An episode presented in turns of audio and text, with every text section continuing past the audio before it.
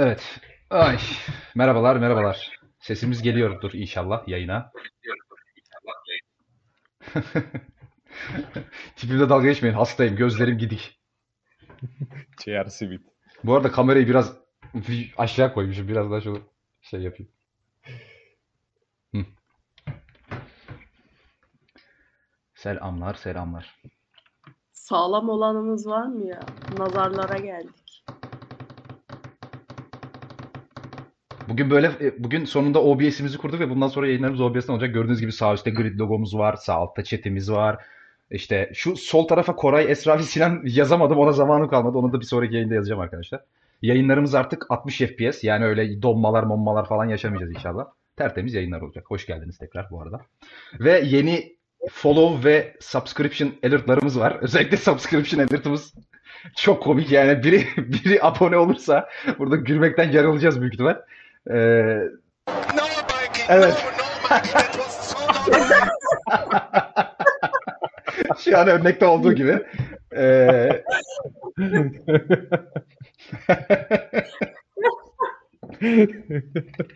ee, Salam teşekkür ederim. Ee, bir daha saf olmam demiş abi. Haklı.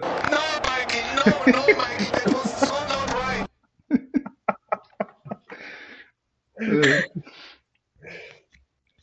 Abi gözüm çok akıyor ya. Kusura bakmayın arkadaşlar. Bir göz hastalığı geçiriyorum şu anda. Çok daha iyi haldeydi şu anda. Kıpkırmızı gözleri. Çok daha iyi, kötü haldeydi. Şu an çok daha iyi. Ee, o yüzden affınıza sığınıyorum. Bana bir yerden WhatsApp bildirimi geliyor ama nereden geldiğini çözmeye çalışıyorum şu anda. Evet çözdüm.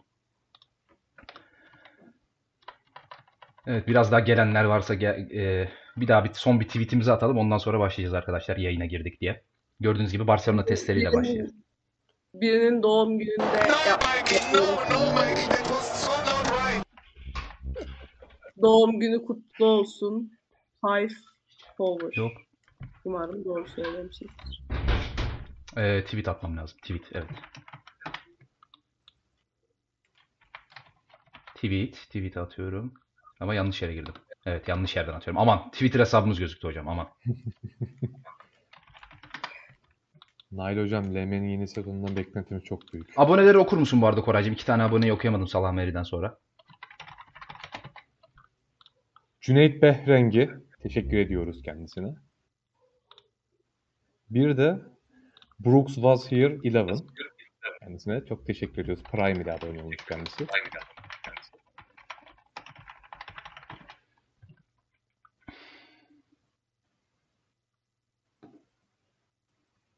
Birinizden ses sektiği mesaj... Konuşamıyorum. Thunderstorm OKC. Çok teşekkürler. Birinizden ses sektiği uyarısı geldi bu arada. Benim e, ses çok açıktı. Belki kulaklıktan düşmüş olabilir. Biraz Okey, sürtün tamam. sesi. Tamam okey aynen. Hoca, Koray Hoca'nın sesinde porposing var demişler. Ee, evet arkadaşlar kimse follow atmasın. Follow'u gördünüz mü?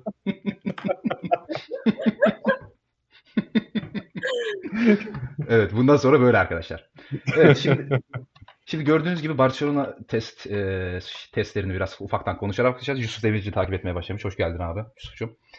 Ee, şimdi zaten Barcelona testleriyle ilgili konuşacak çok konu yok. Siz de biliyorsunuz zaten yayın yoktu ve official bir timing de yoktu. Timing'i e, yani tur zamanlarını ve pilotların attığı tur sa- sayılarını şeyden takip etmek zorunda kaldık. Gazetecilerin kendi yazdıklarından takip etmek zorunda kaldık. O yüzden elimizde çok resmi veriler yok. Ee, sadece gazetecilerin söylediği bazı notlar ve yani araçların nasıl göründüğüyle ilgili ve işte şu an gördüğünüz tur zamanları var.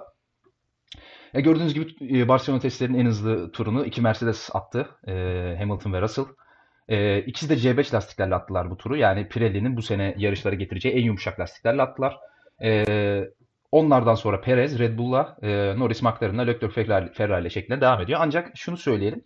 E, oraya giden gazetecilerin de yaptığı yorumlar çerçevesinde bunu söyleyebiliyoruz. E, Barcelona testlerinde çok fazla e, tur zamanı, performans değerlendirmesi pilo- e, takımlar tarafından yapılmaya çalışılmamış. Daha çok yeni araçların nasıl e, davranışlar sergilediği pist üstünde, eski araçlara göre, 2021 araçlarına göre nasıl farklılıklar olduğu konusunda bazı denemeler yapılmış. Bu konuda da e, önce pası Koray'a atacağım. Esra'ya da söz vereceğim. Şu anekdotu vererek atacağım e, sözü sana Koray. Özellikle Vettel, Leclerc ve ben Sainz'in açıklamalarını gördüm. Yeni araçların özellikle geçen seneki araçlara kıyasla Barcelona'da söylediler bunları. E, yavaş virajlarda traktör gibi, işte kamyon gibi olduğunu vesaire söylediler. Sebep olarak da yeni araçların e, eski araçlara göre 50 kilo daha ağır olması ve lastiklerin 13 inçten 18 inçe çıkması sebebiyle yanak aralığın yani piste değen kısımlarının, yanaklarının ve piste değen kısımlarının azalmasından dolayı e, yavaş virajları dönmekte çok zorlandığını söylediler e, pilotlar.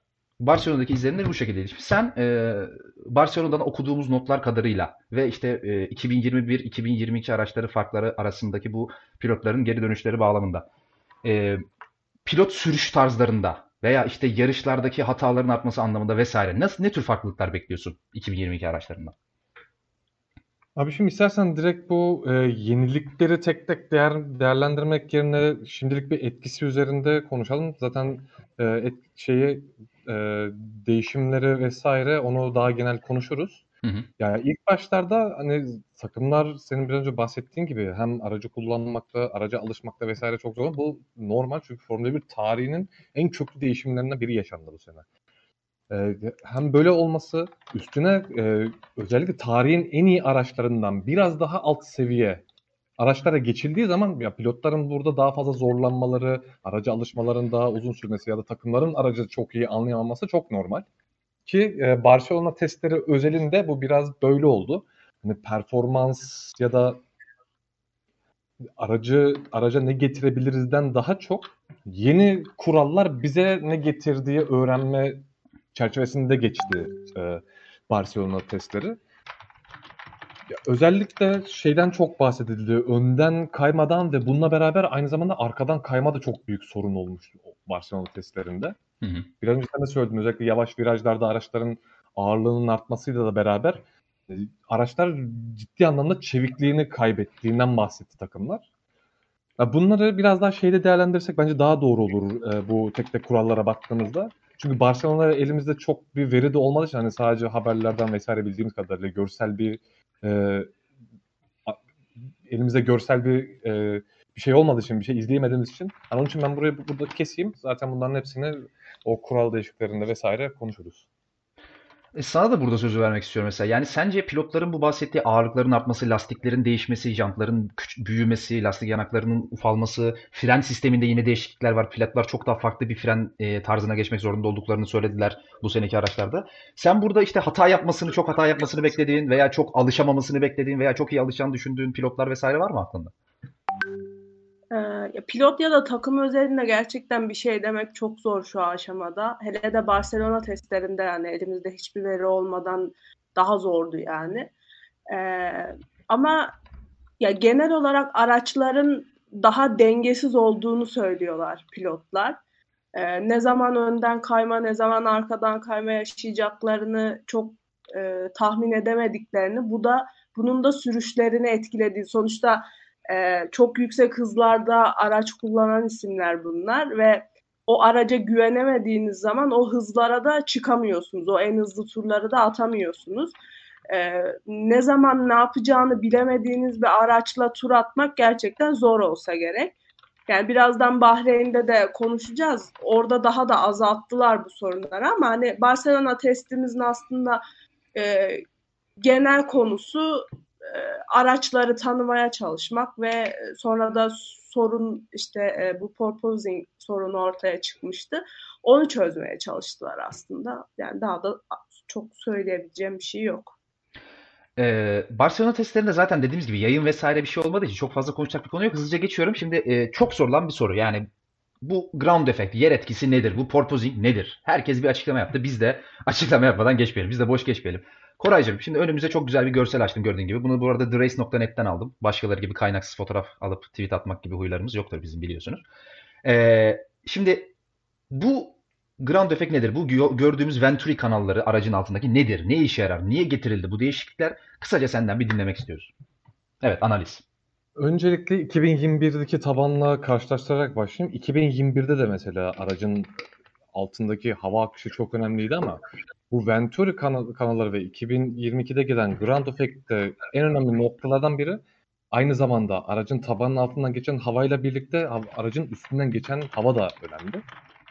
E, Venturi kanalları dediğimiz şey bu aracın e, alt kısmında bulunan o üst görselde e, havayı yönlendirdiğin yerler özellikle difüzöre doğru nasıl yönlendirdiğin aynı zamanda kenarda bulunan etek kısımlarıyla birlikte oradaki geçen havanın basıncını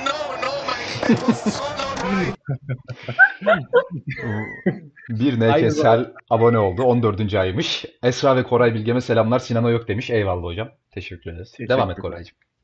Ee, aracın altından geçen havayı e, hem düzenli tutmak hem basıncı e, uygun basınçta tutmak. Bu aynı zamanda e, o sarı olarak gördüğünüz kanatçıklarla beraber aynı zamanda e, tabanın yan kısmındaki bir etek kısımları oluyor.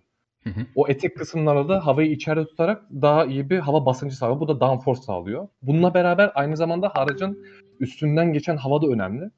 Ee, gerçi bu her zaman şey, önemli de bu Venturi kanalları çünkü burada daha fazla bir basınç oluşturulduğu için bu şekilde aracın üstündeki de basıncın eğer daha iyi downforce sağlaması için aracın üstündeki basıncı da bu şekilde e, daha iyi bir şekilde ayarlanması gerekiyor ve ikisi eğer dengeli bir şekilde tutturulursa 2021 konseptine göre e, çok daha verimli bir downforce sağlanabiliyor.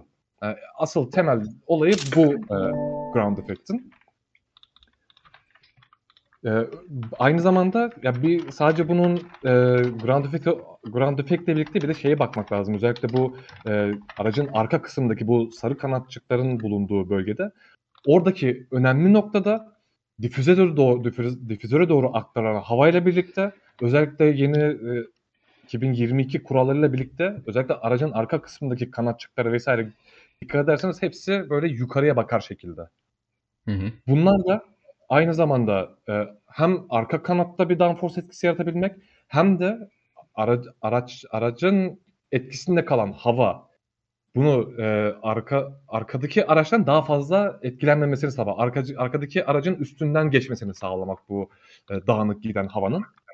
Hani iki tane bence çok temel nedeni var. Bir, e, türbülansı azaltmak. iki downforce'u arttırmak. Zaten e, Venturi kanallarındaki bu görünen kanatçıklar ve arka tarafta burada görünmeyen yukarı doğru bakan kanatçıklar da hedeflenen buydu zaten. Hem downforce hem de e, arkadaki aracı etkilen türbülansı azaltmak.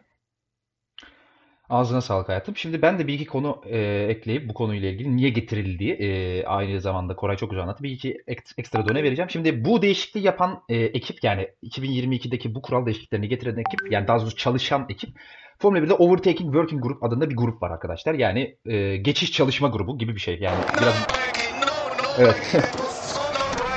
Elvan FK abone olmuş. 6. aylık üstünde aboneliğiymiş bu. Hoş geldin hocam. Ferrari en hızlı haraç mı demiş. Geleceğiz. Geleceğiz. Geleceğim, geleceğim. Geleceğiz, oraya geleceğiz. Şimdi bu e, geçiş çalışma grubunun amacı zaten 2008 yılında bu çalışma grubu kurulduğundan beri e, Formula 1'deki geçiş sayısını arttırmak. Ve bunu da e, Formula 1'deki geçişlerin en büyük düşmanı olan kirli havayı. Arkada giden pilotun öndeki pilota yaklaştığında onun motorundan gelen kirli hava sebebiyle aracın dengesizleşmesi ve bu yüzden de geçişin zorlaşması. En büyük düşmanı Formula 1'deki geçişlerin bu. Bunu azaltmak bu grubun amacı. Şimdi burada da ground efektin gelmesiyle beraber, yer etkisinin gelmesiyle beraber şöyle bir veri paylaşmışlardı bizde geçen sene. Şu anda e, yani daha doğrusu 2021 ve daha önceki e, kurallara e, tabi olan araçlarda öndeki aracı takip ettiğinizde sizin aracınızın downforce'unu eğer %100 olarak alırsak bu downforce, bu yere basma gücü %52'ye düşüyormuş. Yani araç neredeyse sahip olduğu yere basma gücünün yarısını kaybediyormuş. Bu kurallarda ise 2022 kurallarında ise bu oranın %86 olacağı yani sadece %14'lük bir downforce kaybı yaşanacağı bize ve pilotlara ve takımlara e, vaat edilmişti. Şimdi pilotlardan bazı demeçler aldık e, bu konuyla ilgili. Hem Barcelona hem Bahreyn testlerinde. Esra'nın onlardan haberi var biliyorum. Çünkü bazılarının gridden tweetini de attı. Şimdi Esra'cığım hem pilotların e, bu konudaki fikirlerini alacağım senden. Yani e, kirli hava gerçekten azalmış mı? Azalmışsa F1'in dediği kadar azalmış mı? Sen kişisel olarak ne düşünüyorsun? Gerçekten geçişler kolaylaşacak mı? Bu konudaki yorumlarını merak ediyorum. E, pilotların yorumlarından şunu çıkarıyoruz biz. Özellikle e, Leclerc bunu çok e, yanlış hatırlamıyorsam Leclerc'te çok detaylı olarak açıklamıştı. E, bir saniyeye kadar e, gayet takip edebiliyorsunuz aracı. Bir saniye mesafe kalana kadar. e, 1 saniye ile 0.5 saniye arasında bir e, hafif bir türbülans yaşıyorsunuz. Ama biraz daha yaklaştığınızda yine çok rahat bir şekilde takip edebiliyorsunuz. Özellikle virajlarda vesaire bir sorun olmuyor. O açıdan büyük bir gelişme demişti. E, ancak yani bu e, Grand Effect'in gelmesinin en önemli sebeplerinden biri geçişi arttırmaktı. Ama geçişleri çok da arttırabileceğini söylemek mümkün değil. Çünkü e, bunu yaptığınız zaman aynı zamanda e, Suni hoş puan. geldin. Evet hoş geldin hocam. Suni puan farkı abone olmuş. 3 3 ay 3. aboneliği, 3. ay aboneli olmuş bu. Forza Ferrari demiş. Peki hocam. Teşekkür ederiz aboneliğin için. Ee, şöyle yani Grand Effect geldikten sonra bizim e, hava koridoru dediğimiz işte öndeki aracı takip ettiğinizde o havayı yardığı için sizin de daha e, hava direncine uğramadan gitmenizi sağlayan ve bu şekilde biraz daha hızlanmanızı sağlayan etki biraz düşmüş oluyor. E, bu da haliyle yine düzlüklerde DRS olmadan geçiş yapmayı yine zorlaştırıyor. Yani aslında geçişlere değil sadece e, virajlarda o takiplere e, etkisi var. E, tabii virajlarda e, mesafe açılmadığı için aslında düzlüğe geldiğinde e, en azından DRS mesafesi alıp geçiş deneme şansı olacak yani. Yani pilotların geri dönüşü de bu şekilde. Evet, ağzına sağlık Aydın. Şimdi biraz yayını hızlandırmak için çok fazla tekniğe boğduk sizi. Şimdi Formula 1'in resmi sitesinden, e, paylaş, resmi YouTube hesabında paylaşılan 3 günlük Barcelona highlightlarını izleyeceğiz. Zaten kısa videolar, 4'er, 5'er, 6'şer dakikalık videolar. Hızlı hızlı bir görelim. E, Barcelona diyorum, özür dilerim. Bahreyn testleri. Neler oldu Bahreyn testlerinde? Bir hızlıca izleyelim bakalım. Oradan da tekrar aklımıza geldikçe zaten tekrar araçları da tekrar değerlendireceğiz. Kimin kaç tur attığını konuşacağız. Kimin daha iyi gözüktüğünü, kimin daha kötü gözüktüğünü konuşacağız. Hepsini konuşacağız. Hiç merak etmeyin. Videoyu buraya veriyorum. F1 was back with a bang in Bar. Evet, biraz ses yüksek galiba. Biraz sesi kısıyorum. Ee, alt yazı var mı? Varmış galiba. Yokmuş. Allah belanızı versin. Yayın iyi değil mi şu an? As preseason testing got underway under the Yalnız sun senin e, bize ses gelmesi için ayrı bir yer açman lazım Yakup'a. Ee, öyle mi? Ee, yayına gelmiyor mu şu anda ses? Yok ama gerçi te- şey olduğu için çok önemli değil. Ya, eğer şey yay- size geliyorsa dinleyenlere, izleyenlere. Yayına ses geliyor mu arkadaşlar? Yayına ses geldi mi? Yayına gelmiş olması lazım çünkü. Yayına Geliyor. geliyorsa sıkıntı yok. Tamam. Geldi değil mi? Okey tamam. Sizin size gelmemesi sorunu zaten konuşmuştuk. Koray'la Esra'ya Tamam. gelmiyor. Onda onlar onlarda sıkıntı yok. Evet başlatıyorum. The brightest engineering minds in the world had been busy in the two weeks since Barcelona. FPS iyidir umarım. FPS iyi değil mi? Their ingenious new concepts. By far the biggest talking point up and down the pit lane was the radical change. Evet geleceğiz. Buraya da geleceğiz. Mercedes'in pod, podless dizaynına. The car driven by Lewis Hamilton and George Russell looked strikingly different to the one that was tested two weeks ago. Only time will tell if the record eight time world champions have found something special in their diminutive new bodywork. Hamilton quietly went about his data gathering business on day one, clocking up an impressive 62 laps in the morning session. Despite Porpoise Getlis'ini canlı olarak görüyorsunuz burada. Tekrar oynatalım orayı. Çok göreceğiz bunu zaten bu sene ama hani tekrar bir canlı canlı görmüş one, olalım. Bakın görüyorsunuz. impressive 62 laps in the morning session, despite some worrisome looking porpoising down the main straight. And when Russell got his Sinan first bir, real go, bir şey söylemek istiyorum. Bir geri alır mısın? Gel alayım. Olduğu yerde. Arka kanala mı yoksa genel mi? Genel. Bir yavaş oynat. Tamam Şimdi bir sesi. görsel orada tam durdurabilirsek bir görsel söyleyeceğim. Porpoising'i anlatırken o görsel aklınızda olsun. Dur abi. O tam yere sürt. Aynen burada dur. Bu görseli özellikle aracın alt tarafına bakın. Evet. Aracın alt tarafına bakın bu görsel aklınızda olsun. Porpoising'i anlatırken burada çok şey çıkacak. Evet. Gördüğünüz gibi yavaş çekimde de zaten aracın na- nasıl arkasının yukarı aşağı doğru oynadığını görüyorsunuz. Bakın görüyorsunuz nasıl taban yere değiyor. Bunun sebeplerini, neden böyle olduğunu, takımların bunu aşıp aşamayacağını, aşabilirlerse neden 4 gündür, 3 gün, 4 gün bununla uğraştığını hepsini anlatacağız. Hepsine geleceğiz merak etmeyin. Tekrar videoya devam edelim. down the main straight. And when Russell got his first real go in his new look car, the 1.85 meter Englishman reported an issue with space in the cockpit. Ha, ben de diyecektim 1.85 boy olduğunu niye gereksiz olarak vermişler? Meğer Evet. Uzun boylu insan dertleri. still pushing the limits of the new W13 though, locking up into turn one and running wide at turn Bunu bunu çok gördük bu hafta, Bahreyn testleri boyunca bu hafta sonu demeye alışmışım. Yani şu virajda dışarı taşmayan pilot yok herhalde. Herkes bir 20-25 kere taştı yani. 10. Mercedes weren't the only ones porpoising, and a plethora of teams found their drivers bouncing down the main straight. AlphaTauri's Pierre Gasly doing his best impression of being at a heavy metal concert. The Aston Martin looked like a tricky beast to tame too, both Sebastian Vettel and Lance Stroll having huge lockups. İyi fren bu Stroll arada. Güzel managed frenleme. to dislodge the aero rakes off his AMR 22, spraying debris across the circuit and causing a red flag. The new look livery on the Alfa Romeo made its on track debut, the C43 sporting a striking new steeped front wing. Apart from a small issue that caused Guan Yu Zhou to Alfa Romeo'nun rimleri efsane değil mi ya rim coverları? Mükemmel abi ya. Nefis ya. Şunlara bakmaya doyamıyorum. Umarım LED gelmez ya. Yayının videosu lütfen giderse bana söyleyin. Çünkü başka bir sekmedeyim. Yayın gidebilir o yüzden söylüyorum. clocked A solid 66 laps in the afternoon session, powering around the Sakhir circuit to finish P7 in the overall lap times. Bottas gave us our first taste of the closer wheel-to-wheel racing set for Gitti mi? 2022, chasing down Alex geliyor. Williams through the final few corners and making a pass at the end.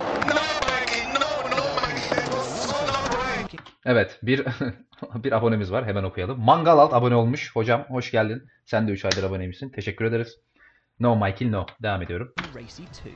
The Spaniard Evet. Kapışanlar oldu gördüğünüz gibi. squabbling with Stroll down into turn 1 and battling all the way through the winding complex of turns 2, 3 and 4.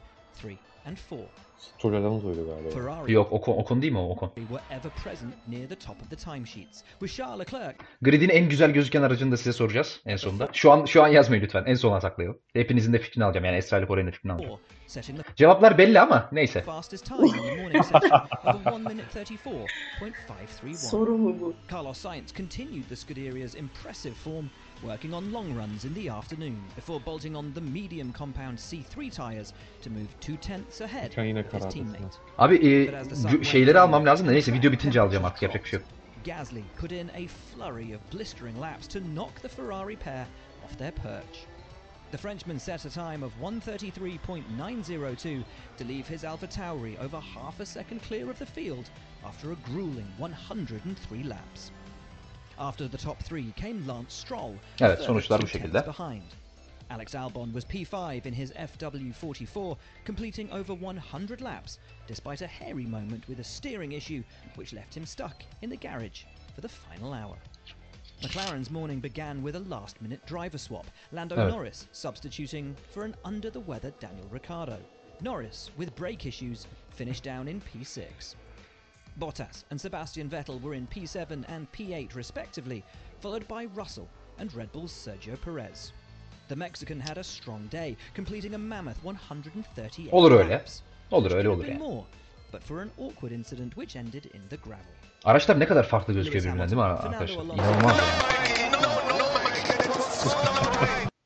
Sana cevap geldi no Mikey diye. Evet araçlar ne kadar farklı gözüküyor dedim. No Michael diye bir şey geldi. Aras abinin zamanlaması. Aras Bayram abone olmuş. 8 ay. Ee, niye 8 ay Aras abi? Yani biz neredeyse 2,5 senedir Twitch kanalımız var. Yani bilmiyorum. Devam a Bana kendisi aynısını yapmıştı o yüzden. O yüzden bur- buraya bir iade ziyaret yaptım. But when test driver Pietro Fittipaldi eventually took the VF22 for a ride in the afternoon, he could only manage 15th fastest, three and a half seconds off the pace. With five drivers yet to take to the Sakhir circuit and the development race running hot, there's plenty more to come as we see the world's best drivers adapt to these incredible new machines. Ne uzattın abi yeter ya. Tamam yeter öf sonuçlara geldi. Ne kadar uzattın ya. Boş boş konuşmuş. Will Will Buxton değil mi o anlatan ya? Kesin odur he. Nesin Evet, olur ya? Se- sonuçlara geldim. Ulan yarım saattir bununla uğraşıyorum. How do I open PDF jenerasyonuyum ben. Evet, doğru. İyi abone, abone olmayı başardın sonuçta. Ee, yaşlı değilsin abi, estağfurullah. Evet, şimdi e, ilk günden aklımızda en çok kalanlar tabii Mercedes'in inanılmaz e, yenilikçi bir side pod artık diyeceğim ama side pod da yok. Yani podless bir tasarımla, no pod falan dediler artık isim hangisini beğenirseniz. Podless, no pod. Sideless pod ne hangisini beğenirseniz. Bir tasarımla gelmesiydi. Onun dışında Ricardo'nun under the weather dediler burada ama tabii orada o sırada Covid olduğunu bilmiyorlardı. Ricardo'nun Covid olması sebebiyle Norris'in yerine yarışmasıydı ki Barcelona testlerinin 3 günü boyunca Norris Ricardo'nun yerine de yarıştı. Yani canı çıktı çocuğun hakikaten yarışmaktan. E, tur atmaktan.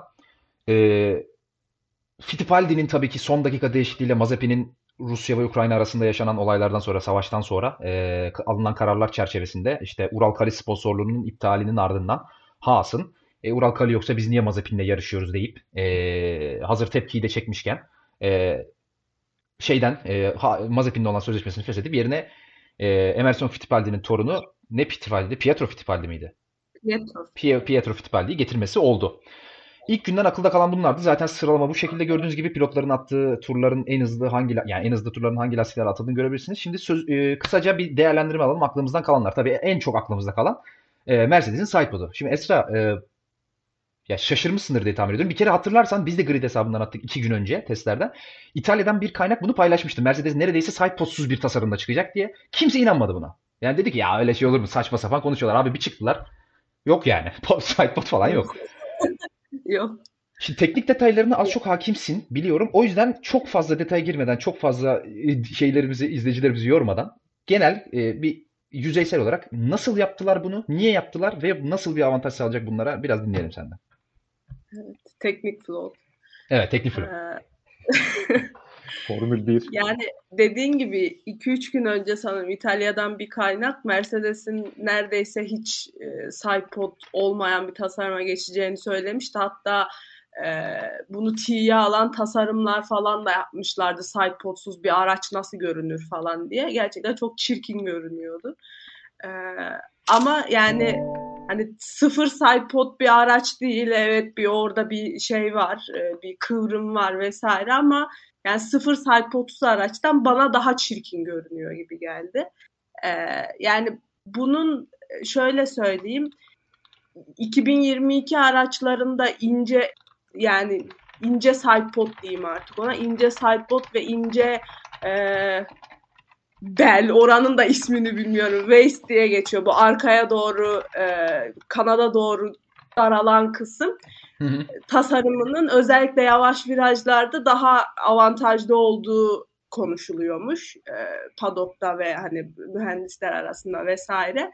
E, o yüzden aslında bu kadar ince bir tasarıma geç e, Mercedes'e yavaş virajlarda avantaj sağlayacaktı. E, ekstra olarak da e, sonuçta sidepod havayı doğrudan karşıdan gören elementlerden birisi araçta. E, bu da sürtünmeye etkiliyor. E, düzlüklerde de sidepodsuz bir tasarım sürtünmeyi azalttığı için e, onlara motor gücünden bağımsız olarak bir hız sağlamış olacak. E, iki açıdan avantaj elde etmiş olacaktı Mercedes. E, ben ufak bir şey olarak da Mercedes'in yaşadığı porpoising sorununu hala çözememe bir sebebinin de bu e, sidepod olduğunu düşünüyorum. Çünkü düzlüklerde motoru daha az açmalarına rağmen ki Mercedes gerçekten yüzde yüze yakın yani yüzde yetmiş seksen bile açmadı muhtemelen motoru. Ee, ona rağmen e, düzlüklerde daha çabuk bu porpoising etkisine girebiliyordu bu e, düşük sürtünme nedeniyle ve bu yüzden biraz da çözemediklerini düşünüyorum ben porpoising'i. Bu porpoising'e de bir Türkçe isim bulmamız lazım. Ya Yunuslama falan diye çevir, çevriliyor tabii de ben hop hoplama diye düşündüm Koray. Ne diyorsun? Doğru Zıplama direkt. Hop hoplama. Zıplama Geçelim zıplamayı ya. herkes der şimdi. Zıplamayı ı, tır sürerek podcast çekenler de der. Biz kendimize özgün bir şey bulalım. Hop hoplama bence güzel. Yani gibi geldi. Dalgalanma diyen var. Nail Gürgen yazmış dalgalanma.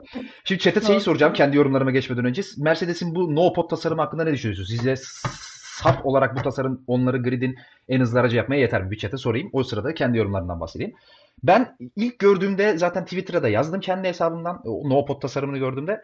Millet çok şey yaptı. Ya tabii ki şaşırılması normal de o işte Mercedes bitirdi bizi öldürdü. Abi ben hiç böyle bir şey düşünmedim. Neden? Hemen açıklayayım. Zaten sen güzel açıkladın. Ben de kısaca anlatayım. Şimdi bu sene zaten yayının başında anlattığımız ground effect'in yer etkisinin gelmesiyle beraber araçların üreteceği downforce'un çok büyük bir kısmı hatta yüzdesini de boş verin. Zaten aracın downforce merkezi yani yere basma merkezi araçların tabanlarının alt kısımları olacak.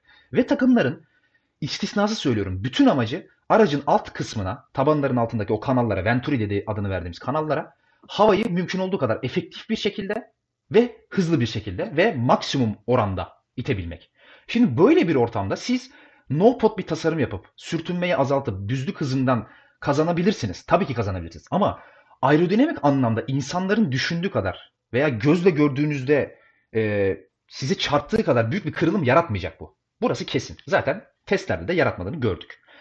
E, ben kesinlikle bu kadar e, konuşulduğu kadar e, ortalık yıkacak bir tasarım olduğunu inanmıyorum. Bana kalırsa oraya geleceğiz az sonra. Red Bull'un tasarımı daha ortalık yıkıcı bir tasarım. Ki onu da Bahreyn testlerini bitirdikten sonra her araçla ilgili ilginç gördüğümüz yerleri konuşacağız tek tek. Ufak ufak.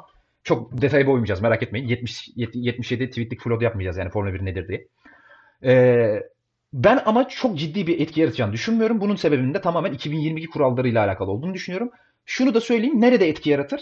Ee, evet düzlük hızında sürtünmeyi azalttığı için etki yaratır. Aerodinamik olarak da arka kanada ve arka e, süspansiyona ve difüzörlere yollanan havanın daha temiz bir şekilde, daha e, kirlenmeden diyelim yollanmasını sağlar. Evet ama bu kadar. Yani genel olarak aracın dampozyonu çok fazla etki edecek bir tasarım değil. Deyip sözü Koray'a atıyorum. atıyorum. Koray bize katılıyor mu katılmıyor mu? Koray genelde bize katılmaması, katılmamasıyla ünlüdür. Bakalım katılıyor mu? Ya benim düşüncem şu şekilde. e, Ben bu arada bu tasarımının bu tasarımın Mercedes'in porpoising'ine çok etkisi olduğunu düşünüyorum bu arada.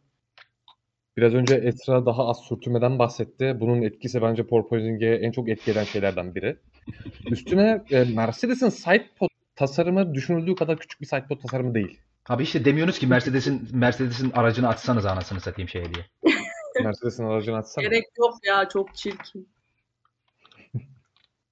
Konuşuyoruz Önden- açmıyoruz anasını Aç satayım. önden aç. Önden. Önden mi? Giriş kısmı görünecek şekilde. Önden nereden bulayım oğlum sana önden al. Sen de şey buldun şey al. Al sana al sana al. Hmm, Normalde bizim şu zamana kadar görmeye alıştığımız sidepod tasarımları yatay. Evet. Mercedes'in sidepod'u çok küçük değil. Mercedes'in sidepod tasarımı dikey. Doğrudur. Aradaki fark bu. Hani aslında Mercedes çok sidepodsuz değil. Bütün araçlarda bakın. e, normalde Red Bull'un da bu şekilde. Özellikle giriş alanına bakarsanız hani çok büyük bir fark yok alan olarak. Ama Mercedes'in dikey olduğu için daha fazla göze batıyor. Aynı zamanda zaten bunu e, yol e, bunu yolunu açan şeylerden biri. E, geçen sene e, sezon ortasında çıkan Mercedes'in intercooler'da bulduğu bir çözüm vardı. E, buradaki mesafeyi uzatarak daha fazla havayı soğutmaya başarmış ve bu da motoru daha iyi çalıştırmaya ya da daha iyi soğutmayı sağlıyordu. Bu e, Mercedes'in bunu çok iyi yaptığına dair bir işaret işaret bence bu. Üstüne geçen seneye göre e, motor kapakları veya bu sidepodların üzerinde ızgaralar görüyoruz. Hı hı. Ve aynı zamanda bunlar da soğutmaya bir artı sağlıyor. Evet. E, onun için e, benim buradan çıkardığım şey yani Mercedes'in motor dayanıklılığı ve özellikle optimum ısıda tutma konusunda diğer takımlardan çok daha iyi durumda olduğu. Sürtünme konusuna gelirsek şimdi e, yeni gelen kurallarla beraber ya aracın üstünden geçen hava evet her zaman çok önemli ama bu sene çok çok daha önemli. Zaten porpoising'e neden olan da bu. Hı hı.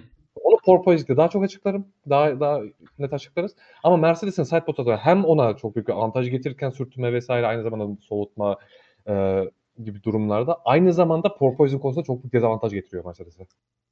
%100 katılıyorum. Çete e, ilk kez yazdığını gördüğüm bir arkadaşım var. Christ X Clark diye. Çok zor iki kesin yanlış okumuşumdur. Mercedes'in tasarımı direksiz diyemeyiz. Ferrari'ye göre arka tekerleğe yönelen hava daha fazla gibi. Ferrari'nin amacı sidepod'dan...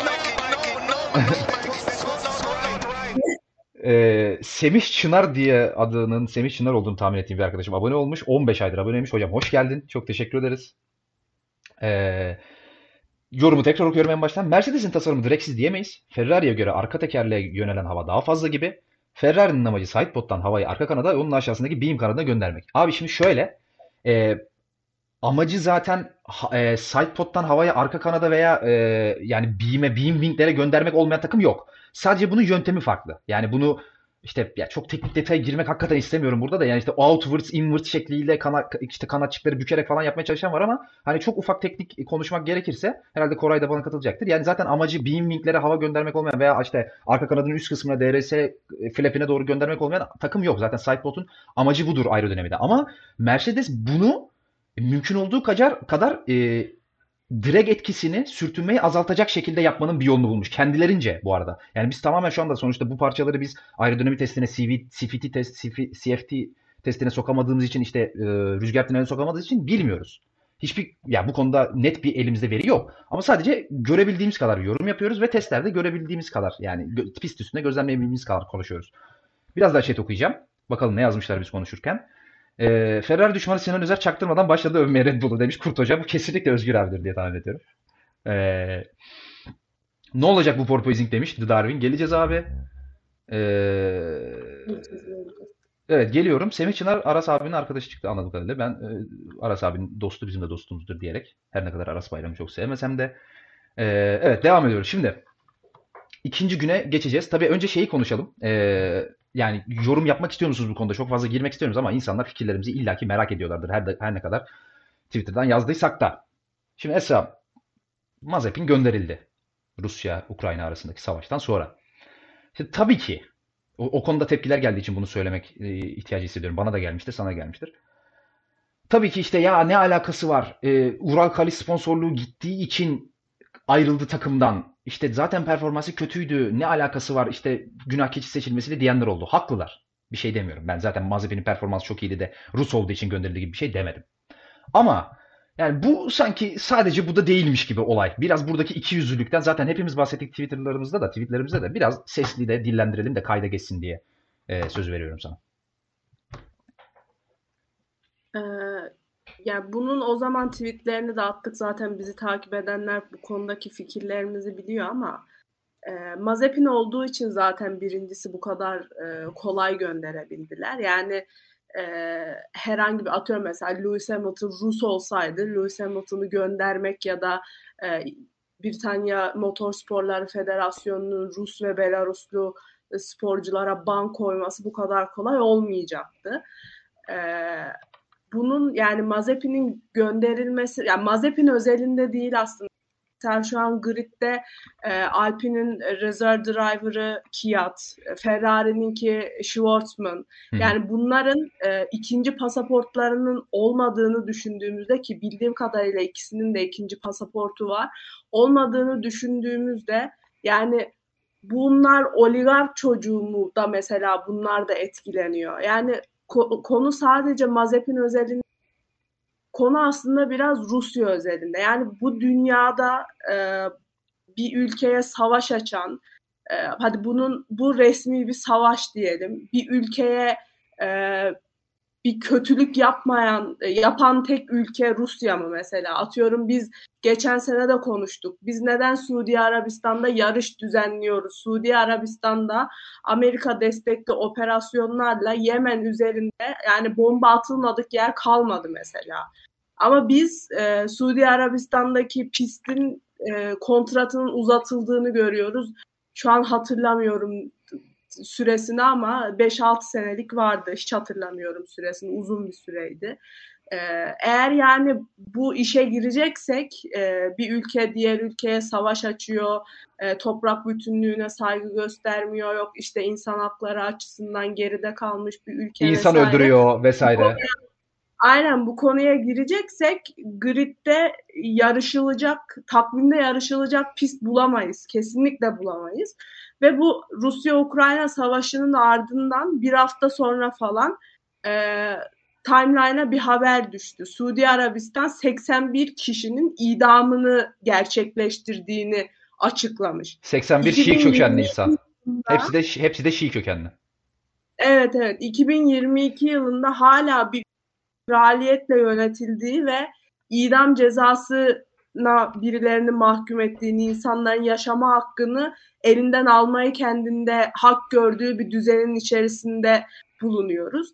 Yani tek suçlu Rusya mıydı burada? Hani Putinci gibi oldum böyle de ama hiç öyle de bir düşüncem yok yani. Sadece da iki yüzlülüğü vurgulamaya çalışıyorum. Ee, o yüzden hani ben Mazepin'in bu şekilde gönderilmesinin doğru olduğunu düşünmüyorum. Geçen sezon başında mesela e, cinsel istismar videoları düşmüştü. Taciz videoları. ee, mesela ondan sonra gönderilmedi. Demek ki o bu kadar da önemli bir konu değilmiş yani. yap, bu, o, o kadar açıkladıkları yok işte herkes eşittir we race as one falan hiç de öyle değilmiş yani bir taciz söz konusu olduğunda bir pilotun ipini çekemezken kendileri e, bir ortak bir düşman belirleyip de bir savaş ortada olduğu zaman e, ipini çekebiliyorlarmış demek ki. Ağzına sağlık. Söylediğin her şeye katılıyorum. Biraz kendi düşüncelerimi de eklemek istiyorum. Hadi diyelim eee, ha şey eee, Mazepin eee, Rus değil diye gönder Rus diye gönderilmedi. Tamam mı? Zaten öyle de. Ben Rus diye bana tepki gösterdiniz ya o kadar. Twitter'dan DM'den atanlar oldu, mention atanlar oldu, bilmem ne isimsiz sallayanlar olmuş falan. Geldi bana. Demişler ki işte Mazepin'de savunmazsın. Savunmayın ya. Mazepin'de savunulmaz yani. Ne biçim adamsınız siz? Rusçu musunuz? Tamam ben şimdi Mazepin'i bir kenara bırakıyorum. Tamam Mazepin kötü pilot olduğu için gönderildi. Sponsoru gittiği için gönderildi. E peki arkadaşlar Rusya GP'si niye iptal edildi ya? Ya bana bir anlatın abi. Bu gerizekalılar var aranızda bazı. Şimdi burada chatte var mıdır bilmiyorum. Yoktur o bana yazanlar da. Gelmezler yani bana. O kadar bizi sevmeyenler gelmez diye düşünüyorum. O gerizekalılara buradan sesleniyorum. Ulan niye Rusya gitti o zaman? E madem buradaki mesele sadece Mazepin'in kötü pilot olmasıysa Rusya niye kaldırıldı abi takvimden? Rusya bir ülkeyi istila etti diye kaldırıldıysa Yemen'de son 7 sene içerisinde 20 binden fazla insan ki bunun 3 bini çocuk öldüren Suudi Arabistan'ın takvimde ne işi var abi? Ne işi var abi? Bana bir anlatın yani. yani Rusya girdi ya. Rusya'nın bu arada takvimden kaldırıldığı kararı alındı da e, ya şimdi ölü yarıştırmak gibi bir şey söylemiyoruz. Ya, yanlış anlamayın da. Yani 20 bin sayısına yakın bile değildi. Madem bu kadar hızlı karar alabiliyorsunuz ya dünyada bir ülkeye bir işgal düzenlendiğinde, insan öldürüldüğünde niye Suudi Arabistan takvimini aldınız abi? Amerika'nın takviminde ne işi var abi? İki tane yarış koydunuz, üçüncüsü geliyor yolda. İsrail'in müttefiki, müttefiki ben miyim abi en büyük müttefiki? Bana bir anlatın abi. İsrail bizim Orta Asya'da, Orta Doğu'daki proksimizdir diyen ben miyim abi? Ya bunları geçin arkadaşlar. Sanki hani demokrasi timsaliymiş gibi. Yok işte Euro Ligi'de işte Rus takımlarının puanlarının silinmesi, yok işte futbolda Rus Şampiyonlar Ligi'nin Rusya'dan alınması, işte Rus takımlarının gönderilmesi, bilmem ne yapılması. Ya bunlar sanki demokrasi timsali hareketlermiş gibi, insan hakları savunuculuğu e, gösterileriymiş gibi, örnekleriymiş gibi, alkışlanması gereken şeylermiş gibi gelmeyin yani. Biraz biraz etrafınıza bakın abi. Ya bir aç ya Wikipedia diye bir şey var yani. Yemen Suudi Arabistan arasındaki tırnak içinde savaşta kaç kişi ölmüş Yemen'de? Kaç tane sivil ölmüş? Bir açın bakın ya elinizin altında internet var. Herkesin interneti var. Burada 1080p yayın izliyorsunuz.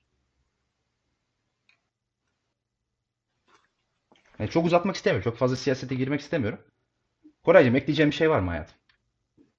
Yok abi siz söylediniz zaten. Evet modumuzu da çok fazla düşürmeyelim. Ama yani bir, biraz ya ben şu o dal yarakları eğer bizi dinliyorsa diye, şu an izliyorsa diye söylüyorum. Ya oğlum biraz etrafınıza bakın lan. Bir dünyada ne oluyor bakın. Hayat Reddit'ten, YouTube'dan gördüklerinizden, Twitter'dan okuduklarınızdan ibaret değil anasını satayım. Bir açın okuyun lan bir dünyada ne oluyor. Ya bu kadar mı gerizekalısınız? Ya neyse abi bir şey demek istemiyorum. Canım sıkılıyor. Kav bağıracağım, çağıracağım şimdi. Evet ikinci güne geçiyorum. Ee, ilk günle ilgili her şeyi konuştuk zaten. Pietro Fittipaldi geldi. Daha, yani o, o konuda da zaten çok fazla konuşacak bir şey yok Mazepin'in ayrılması için. Çünkü Fittipaldi'nin de zaten yarışmayacağı ortaya çıktı daha sonra. Magnussen'in gelmesiyle. Ee, deyip devam ediyorum. Ee, ilk, ilk günü bitirdik. İkinci güne geçelim. Bakalım ikinci günde neler olmuş. E, videoyu yansıtamıyor. Çünkü yanlış yerde açtım ikinci ikinci günün videosunu. Olur öyle. Bir dakika abicim bir dakika. Ses ses yok. Görüntü var anasını satayım. Evet. Gene yapıştıramadım. Day 2 nerede abi? Şu Day 2'yu bir açamadım ya. Kafayı yiyeceğim ha. Ver şunu bana. Ha? Evet sonunda açtım.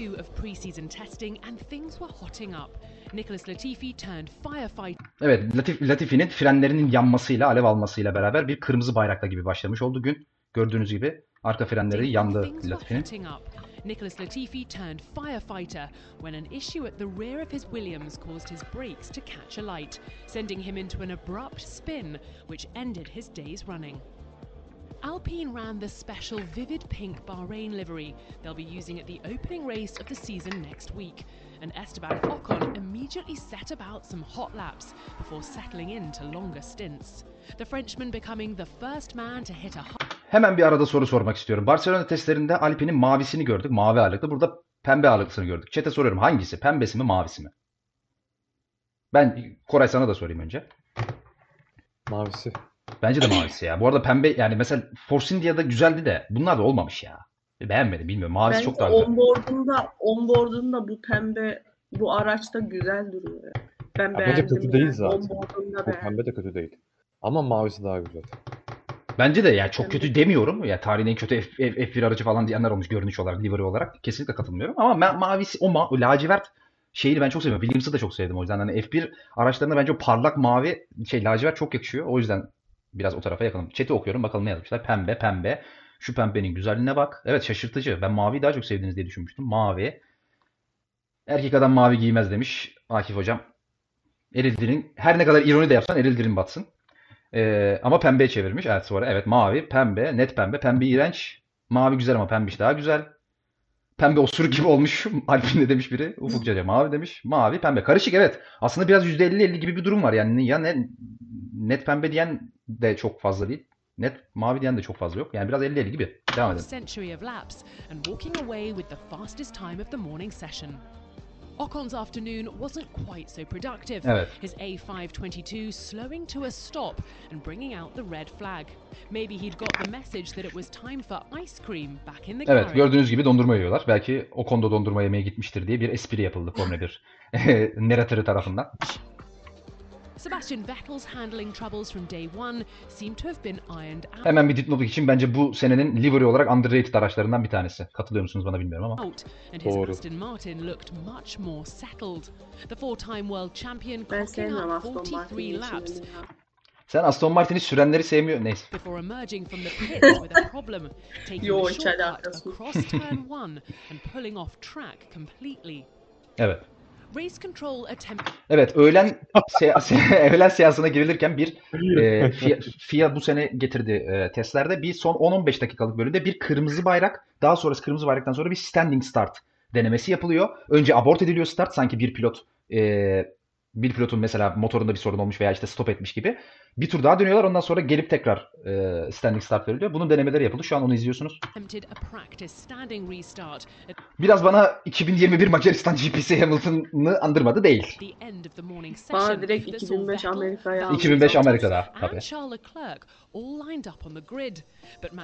Arkadaşlar böyle yüksek FPS video izlemek ne kadar güzelmiş ya. Ne çileler çekmişiz ha biz. Boşu boşuna yani. Were both caught out when the pit lane exit closed.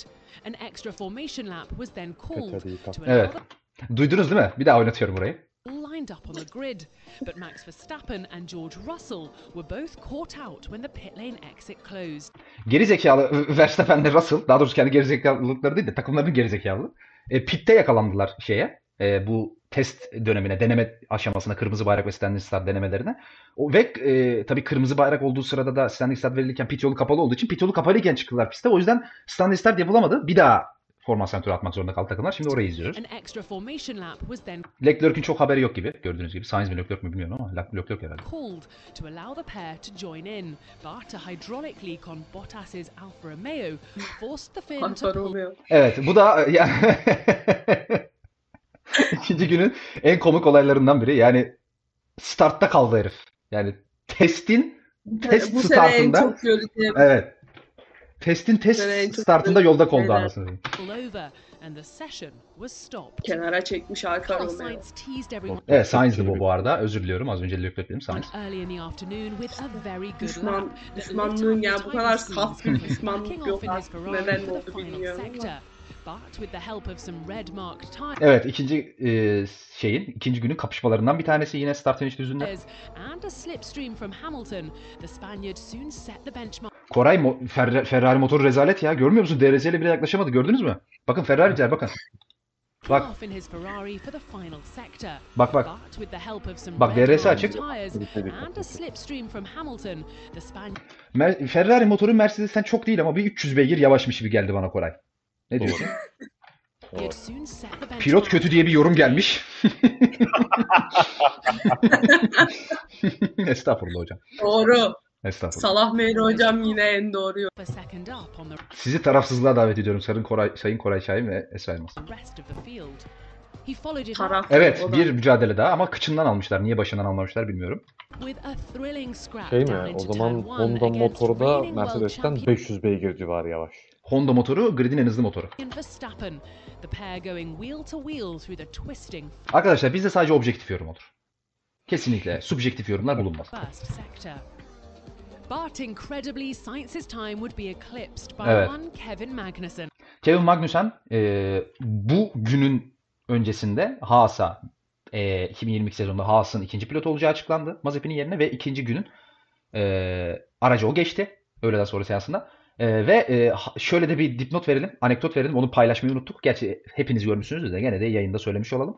Haas e, Bahreyn testlerinin ilk gününe geç geldi arkadaşlar. Uçakları İstanbul Havalimanı'nda e, arıza yaşadığı için İspanya'ya ilk bah şey, İspanya diyorum özür dilerim. Bahreyn'e ilk testlerin başlayacağı sabahın gecesinde ancak gelebildi ve e, mekanikerler de sabaha kadar araca testi hazırlamak için çalışmak zorunda kaldılar. Ancak ilk sabah seansına yetişemediler ve böylece 4 saat kaçırmış oldular. Takımların e, takımın Haas'ın FIA'ya başvurusu üzerine sadece McLaren itiraz etmiş ve McLaren ve Red Bull diye gördüm. Kim itiraz etmişti hatırlıyor musunuz? McLaren'ı net hatırlıyorum da. Sadece Sadece itiraz eden. McLaren kalmıştı en son diğer takımlar Evet. kabul etti. Evet başlangıçta vardı bir iki takım daha en son McLaren kalmıştı ama onu da ikna etmişler. Haas'a 4 saatlik ekstra bir süre tanındı. Bu sürelerde 1-1 ve 2 şek 2 2 yani 1-1-1-1 şeklinde her seansta birer saat şeklindeydi. Ee, şu an Magnussen'in de ikinci günün sonunda herkes pite girdikten sonra herkes seans tamamladıktan sonra kendisine verilen 1 saatlik dönemde attığı günün en hızlı turunu anlatıyorlar. Böyle de burayı yani konteksti vermiş olalım. Alpine, evet, ratings Evet, anticipated İkinci itiraz eden takım for Teşekkür ederim hocam. And while getting his first taste of the revolutionary new cars after a super fast seat fitting yesterday. He grabbed the VF22 by the horns. Ya on evet his evet biliyorum. Tweet atıyorum arkadaşlar kusura bakmayın. Fighting the car all the way around the lap in typical swashbuckling Full kararmıyor ama style. değil mi? Anlık oluyor. Haas have been granted an Aynen, extra bir four an bir hours of geliyor. additional running after they lost time due to freight delays on day one. And K-Mag used it to maximum effect, setting the fastest lap of the day under the lights of the spectacular Sakir circuit. After a torrid 2021, things are looking up for America's Ha, only bir dakika. Son 10 saniye gözükmedi mi? Yok sen bir Tamam. al geri. Şöyle. A1, and K-Mag used it to maximum effect, setting the fastest lap of the day under the lights of the spectacular Sakir circuit. After a torrid 2021, things are looking up for America's only F1 team. Team principal Andreas Seidel says McLaren face a race against time to solve a problem which has plagued the team in Bahrain. Overheating front brakes have limited their running, and it was clear that turn one was a particular challenge. Lando. Norris taking to the McLaren'in runoff on numerous Evet, occasions konuşacağız onu as he found Bugün himself konuşacağız. in the new MCL 36 for the second day in a row, with teammate Daniel Ricciardo still too ill to take part. So, Evet. with just half a day under his belt, it was Magnussen who showed he had lost none of his talent. Sainz sat 0.325 back, with Verstappen a further half second behind. Red Bull are bringing a big upgrade to the car tomorrow, so keep your eyes peeled for that. Evet, e, videonun sonunda Red Bull'un yarın çok ciddi bir güncelleme getireceği söylenmişti. O güncelleme geldi arkadaşlar. Onu da birazdan konuşacağız. Şunu söyleyeyim. e, mesela Esra videonun e, video sırasında bahsetti. McLaren'ın fren sorunları vesaire. E, araçlarla ilgili değerlendirmeyi testlerden sonra genel performans e, sıralaması tahminlerimizi yaparken konuşacağız. E, onları yayının en sonuna bıraktık bilerek e, tahminlerimizi orada genel olarak paylaşalım diye. Yani işte Red Bull'un e, porpoising sorunları, McLaren'ın fren sorunları, Ferrari'de olmaması, işte McLaren'da porpoising olmaması, niye yok, niye var, öbürlerinde niye yok, nasıl çözecek bunların hepsini konuşacağız hiç merak etmeyin. Evet ikinci günün sonuçları bu şekilde gördüğünüz gibi dediğim gibi Magnussen kendisine ayrılan ekstra bir saatlik sürede daha doğrusu Ha- Haas'a ayrılan ekstra, bir saatlik sürede C4 lastiklerle günün en hızlı turunu attı. Sainz ikinci, Verstappen üçüncü, Stroll, Hamilton, Ocon, Leclerc, Norris, Vettel, Tsunoda şeklinde tamamlandı gün. Bugün konuşulacak çok fazla bir mesele yoktu aslında. Yani dediğimiz gibi işte Alf- Alfa Romeo'nun başına gelen komik kırmızı bayrak işte e, şeyi frenlerinin yanması. Or, o kon- oradan fren konusuna biraz e, girmek istiyorum. Koray'a atacağım pası. Koray günün başlangıcında Latifi'nin frenlerinin yandığını gördük. Şimdi bu konuda McLaren'ın da fren sorunu yaşadığını biliyoruz. Şimdi bu e, 2000 sorulan sorulardan bir tanesiydi çünkü bu yayın hazırlığı yapılırken bana. 2022 araçlarında fren konularında fren konusunda ne değişti ki araçlar fren hem yapmakta zorlanıyor hem fren e, mekanizmalarında sıkıntılar çıkıyor dayanıklılık anlamında. Çünkü birkaç tane pilotun frenlemenin çok değiştiğini söylediğini de gördük. Bunun sebepleri neler? Son cümleni bir daha alabilir miyim? Sesim bozuldu da. E, dedim ki yani 2022 araçlarındaki yapılan değişikliklerde frenleri etkileyen ne oldu ki pilotlar fren yapmakta zorlanıyor ve mekanik arızalar çıkıyor frenlerde? Bunun en büyük ana nedenlerinden biri bir fren diskleri. Ee, ilk başta bir kere onun bir etkisi var. Çünkü fren disklerinin gelmesinin de en büyük e, fren disk demiyorum, jantların gelmesinin en büyük nedenlerinden biri yine aynı şekilde arkadaki araca etkilen türbülansı azaltmaktı. Hani bu da doğal olarak e, fren yapma şekillerini, aracın etkilenmesi vesaire hepsini tamamen değiştiriyor. Aynı zamanda sadece frenlerin değişmesine öte bu sezonki e, testlerde gördüğümüz kadarıyla araçların yaşadığı porpoising bu da frenlemeleri çok etkiliyor. Ee, özellikle e, araç porpoising yaşama, yaşarken fren yapılması aynı zamanda araç yükselip e, alçaldığı için bu sefer frenlerde daha fazla sıkışma ya da gevşeme yaşatabiliyor. Hani Evet. bu da doğal olarak frenleri kötü etkiliyor. Evet. Aynı zamanda bir de yüksek sıcaklık normal yarış standartlarına göre daha yüksek sıcaklıklar vardı. Genelde 35-36 derecelerdeydi öğlenleri. Hani bu da doğal olarak frenlere e, ekstra yük bindirdiği için hani fren sorunları yaşamak bence şu şuraya kadar Koraycığım, normal yani. E, lafını bölüyorum. Çok kritik bir soru gelmiş Küşet'e. Çok önemli bu sezonla ilgili. Koray Şahin sigarayı bıraktım demiş.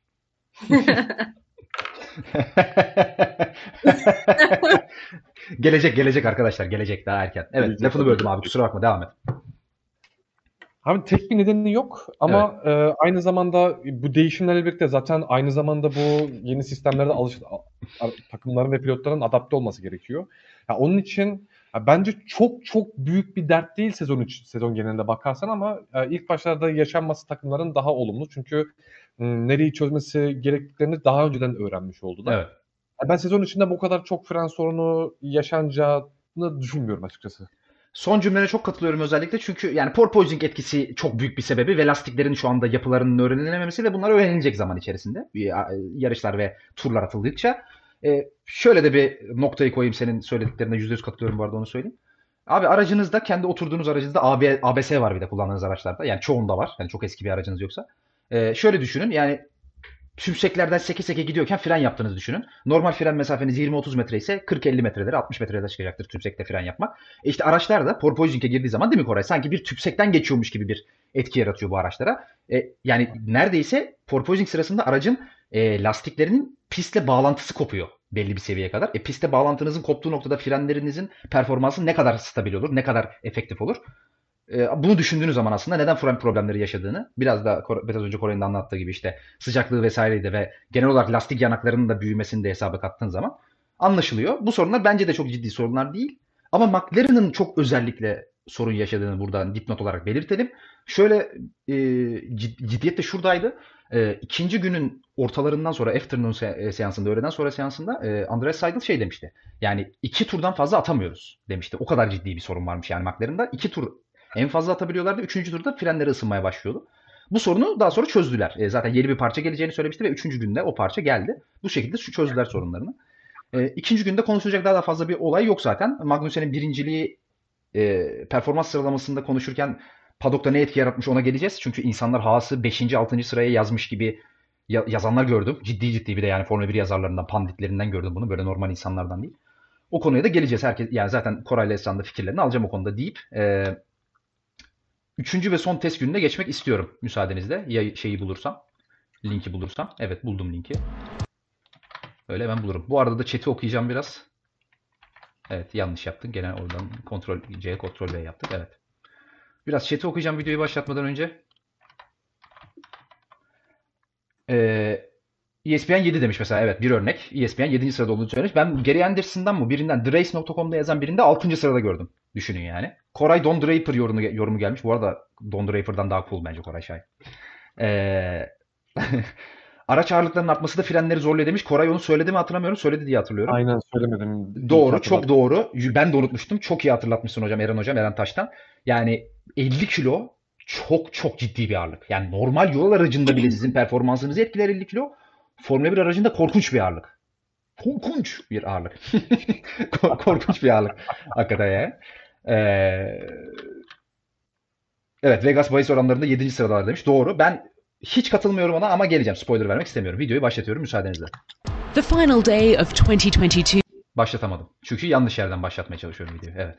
Öyle yaparsanız başlamaz. Böyle. Buradan The yapacaksınız. final day of 2022 pre-season testing and the last Ferrari neden Bahreyn'e güncelleme getirmedi? Geleceğiz abi. Araçlarla ilgili ufak ufak notlarımızdan bahsederken her araçla ilgili notlarımızı paylaşacağız sizlerle. Her araç hakkında ne düşündüğümüzü paylaşacağız.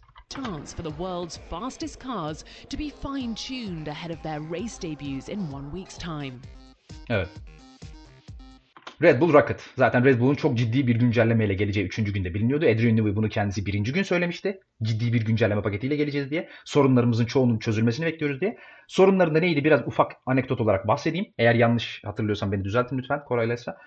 Çok ciddi bir understeer vardı, önden kayma vardı yavaş ve orta virajlarda. Ve e, onlar da frenlerden sorun yaşayan porpoising'i zaten saymıyorum. En büyük sorunları porpoising, önden kayma yavaş ve orta virajlarda ve fren sorunları vardı. Bunların hepsinin çözüldüğü görüldü 3. günde. Şimdi izliyoruz. Pek de çözülmüş gibi durmuyor ama. Nasıl yalanladılar beni bir anda ya. Aynen çözülmüş ya. champion Max Verstappen was a blip as he stretched the legs of the new RB18, blasting to the fastest time of testing with a 131.720. Evet Verstappen e, duyduğunuz gibi e, 1.31.732'lik turuyla testlerin en hızlı tur zamanını attı. Üçüncü test gününün öğleden sonra seansında. as the clock ticked down on day three. The team had been trying out new upgrades flown into Bahrain overnight, with Chief Technical Officer Adrian Newey on hand to Yani bir şey demek istemiyorum. Şu adama şu adama biat ediyor koskoca 20-30 milyar dolarlık F1 Formula 1 sporu. Şu adamın şu spor giyinişini, şu gömleğini, şu pantolonunu, şu ayakkabısının altında dönüyor. Allah büyük hoca. Yapacak bir şey yok. And they were clearly working. Sergio? Perez had been quickest in the morning, and confidence was oozing out of the garage. Abi çok tatlı olmamış mı gözlüklerle? Şey mi? Abi Helmut Marko'nun şu görüntüsü. Bakın gerçekten biraz çok yaşlanmış ya. Ben ne zamandır görmüyorum bilmiyorum ama yani bir anda yaşatmış gibi geldi bana. Helmut Marko. Niye öyle oldu anlamadım yani. Ya Bana tam tersi vermiş ya biraz yüzü genç falan çökmüş galiba. Evet Esra'ya katılıyorum. Koray sana katılmıyorum. Esra'ya katılıyorum. Yüzü Evet. çökmüş kilo verince. Bu sene taraflar belli oldu gridde. Ya Leclerc gerçek Leclerc gerçekten büyük pilot. Şimdi bakın yani oturup doğru konuşalım. Büyük pilot Leclerc. Süper Schumacher. Arkadaşlar ekranda Süper Schumacher yansıdı. Herhalde babasından bahsediyorlar diye düşünüyorum şahsen. Ralph olabilir mi? Yani Ralf bile O bunun bile yanında olabilir. süper. Evet bunun yanında. Neyse siyasi yazmayalım. olabilir. Siyasi yazmayalım. Schumacher'ciler kızıyor Mike sallayınca. O yüzden bir şey demek istemiyorum.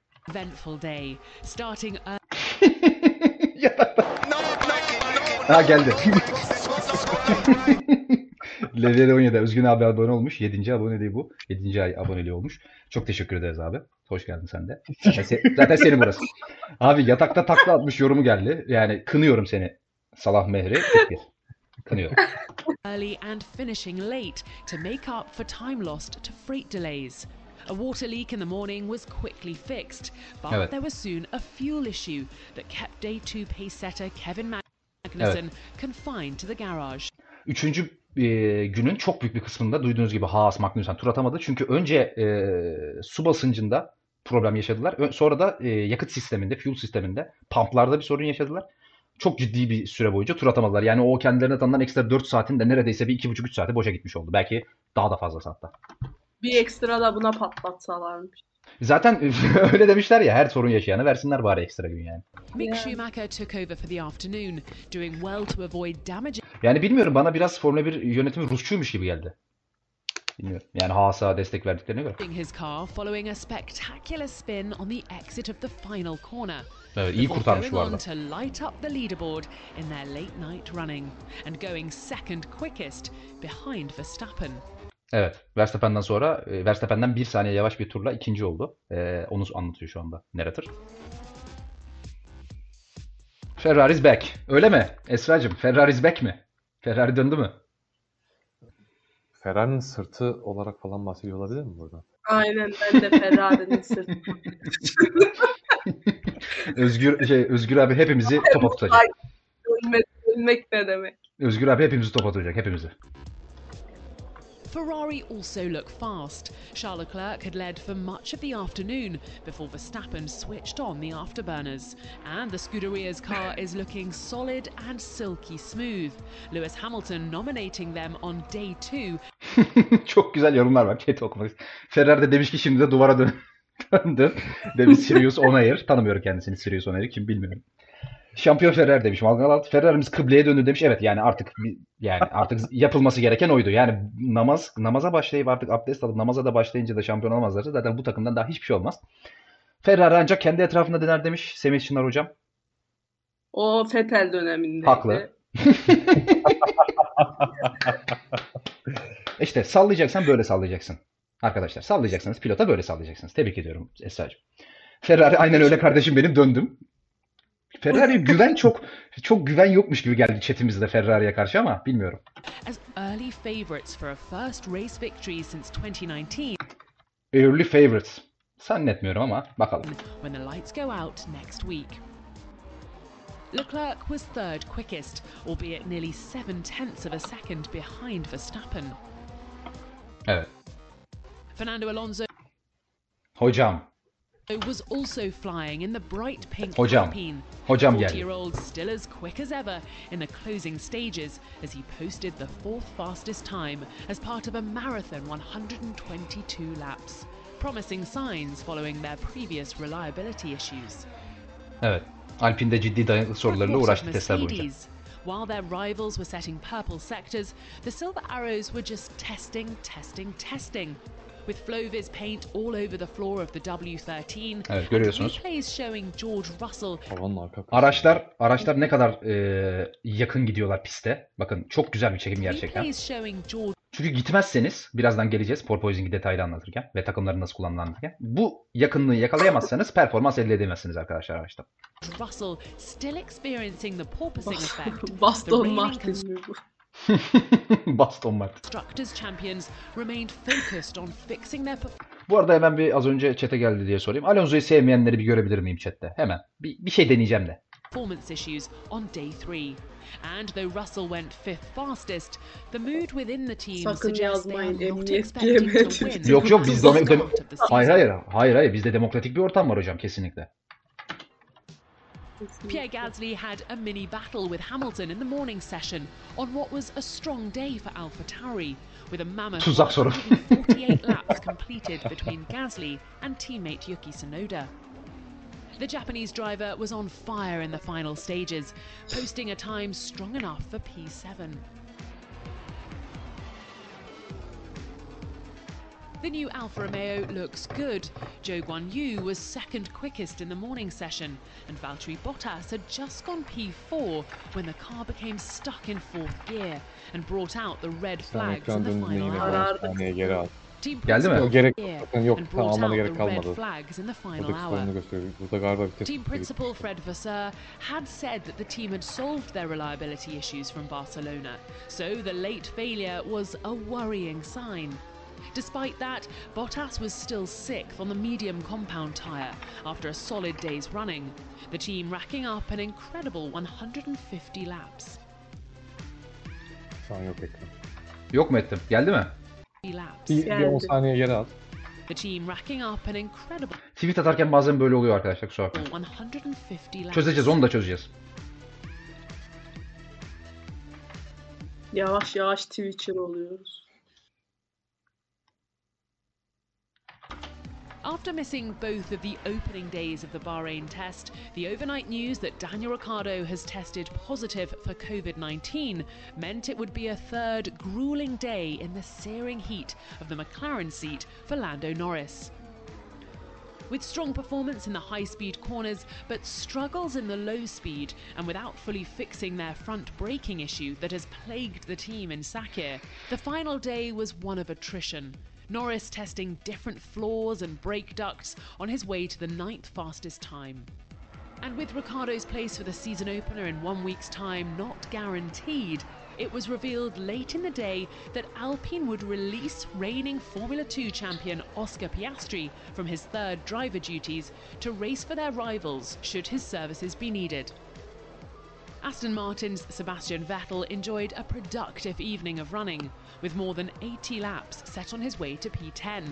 While Williams gave Nicholas Latifi some extra time in the car after a fire limited their running to just two hours on day two.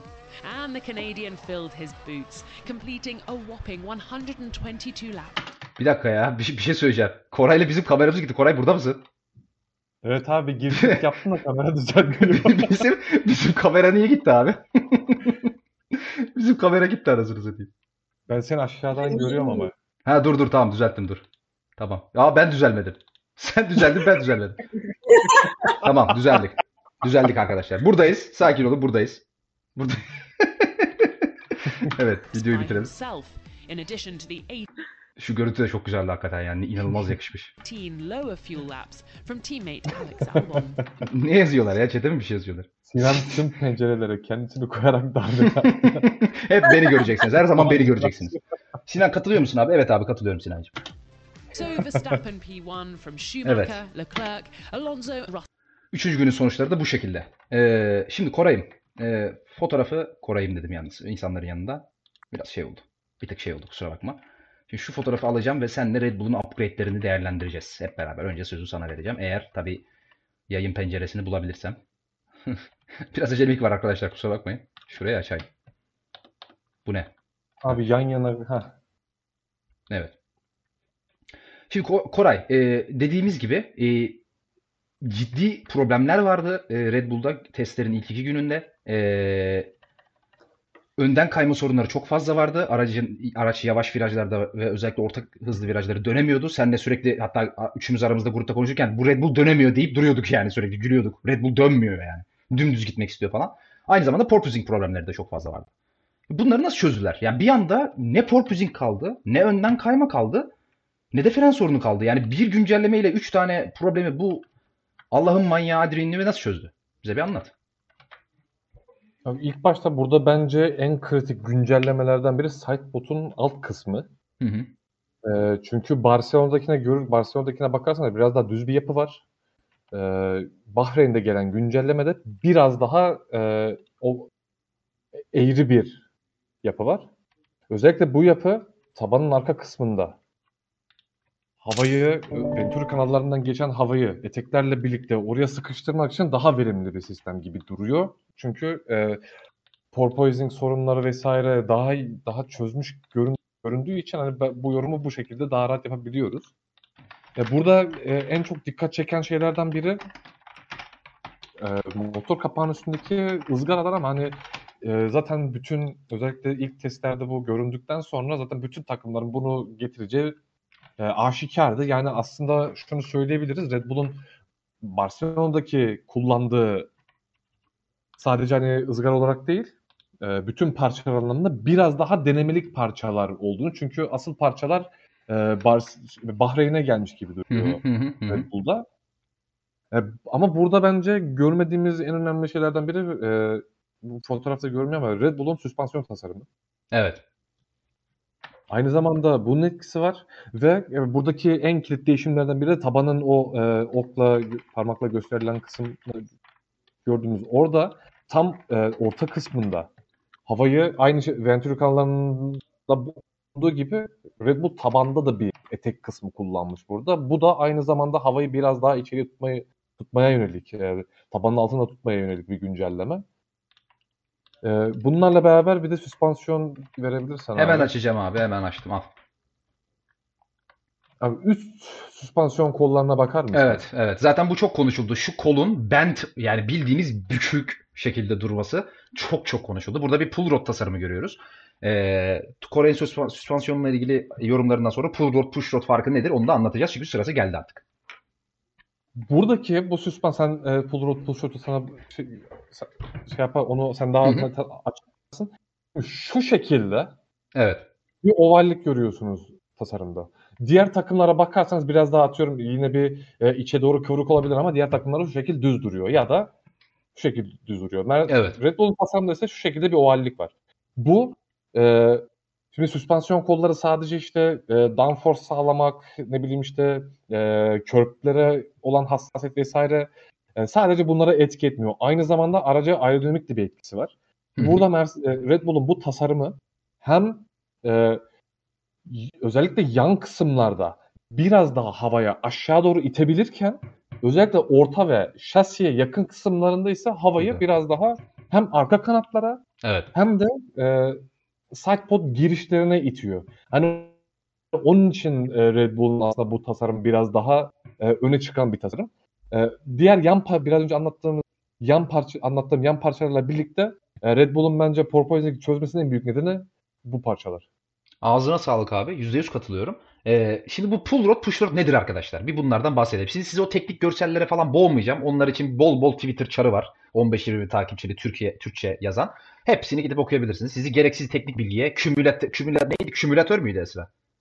Tür. Külbütör. Kümülatör olsa iyi. Külbütör. Yani Translate'e yazıp milletin flodunu çevirerek teknik ben ne mühendisi bulmuştum? Petrol ve doğalgaz mühendisi. Evet. Şimdi size bir petrol ve doğalgaz mühendisi olarak, F1 uzmanı olarak, petrol ve doğalgaz mühendisi bir F1 uzmanı olarak size full rod push nedir anlatacağım. Niye bunu söylüyorum? Çünkü bilmem yarak mühendisi, kürek mühendisi, çok affedersiniz küfür için. O mühendisi, bu mühendisi diye milletin İngilizce yaptığı flotları, paylaştığı article'ları çevirip çevirip Twitter'da 15-20 bin, 50 bin, 100 bin takipçi ulaşan bazı arkadaşlar var. Onların yorumlarını okumanıza gerek yok. Ben size şimdi çok kolay bir şekilde herkesin anlayacağı, anlayabileceği bir şekilde anlatacağım. Niye bu kadar mesele oldu bu pull rod push rod? Şimdi pull rod push rod'un farkı şu arkadaşlar. Şu gördüğünüz eee, şu açayım şöyle. Şu gördüğünüz süspansiyon kollarının şurada bir rot var. Şu rotu görüyorsunuz. Şu rotun bağlantı noktasının yani süspansiyonu hareket eden noktasının hareket ettiren noktasının lastikte mi şaside mi olduğunu eee, anlatan şey. Eee push rod, pull rod'un farkı bu. Yani süspansiyonu lastikler, süspansiyon lastikleri lastik lastiğe bağlanan kısmından mı döndürecek? Şasiye bağlı kısmından mı dönecek? Bu. Ha diyeceksiniz ki bu kadar basit bir şey niye bu kadar mesele oldu? Çünkü şu. Biz de zaten aramızda konuşurken sürekli Koray'la Esra'yla hep diyorduk ki bu sene aslında biz takımların çoğunda ön tarafta pull rod süspansiyon bekliyoruz. Neden? Çünkü bu sene ground effect'in gelmesiyle beraber araçların eee, asıl amacı downforce üretmek için asıl amacı aracın havaya altına itmek olduğu için pull rod süspansiyon buna daha uygun bir tasarım. Neden? Çünkü şu gördüğünüz kol tasarımları, süspansiyon kollarının tasarımları pull rod e, süspansiyonda Red Bull'da gördüğünüz gibi pull rod süspansiyon olduğu zaman havayı aracın altına daha daha kolay itebiliyorsunuz. Neden? Çünkü bu süspansiyon kollarının şekilleri aracın e, altına doğru yutmak üzere daha kolay tasarlanabiliyor. Bunun da bir artısı da daha doğrusu e, pull rod sisteminde bir artısı da şu ki en önemlisi aracın ağırlık merkezini mümkün olduğu kadar aşağıya indirmiş oluyorsunuz. Ön tarafta pull rod süspansiyon yapmanın birincil getirisi bu. Aracın ağırlık merkezini düşünüyorsunuz, düşürüyorsunuz ve aracın altına havayı itmeniz süspansiyon kollarından daha kolay oluyor. Ön taraftan gelen havayı. Ben o yüzden şahsen e, sizin de fikirlerinizi merak ediyorum. Daha fazla takımda önde pull, pull rod görmeyi bekliyordum. Ama tahminim şu çünkü sadece McLaren'da ve Red Bull'da gördük. Diğer tüm takımlarda önde push rod var, arkada pull rod var. Bazı takımlarda önde push, arkada push var. Bir iki tane takım vardı şimdi unuttum. Ama niye iki kere oynadı? Hocama bir Bana diyor. hocama bir il- iltimas geçildi. İki kere oynadı. No Michael No.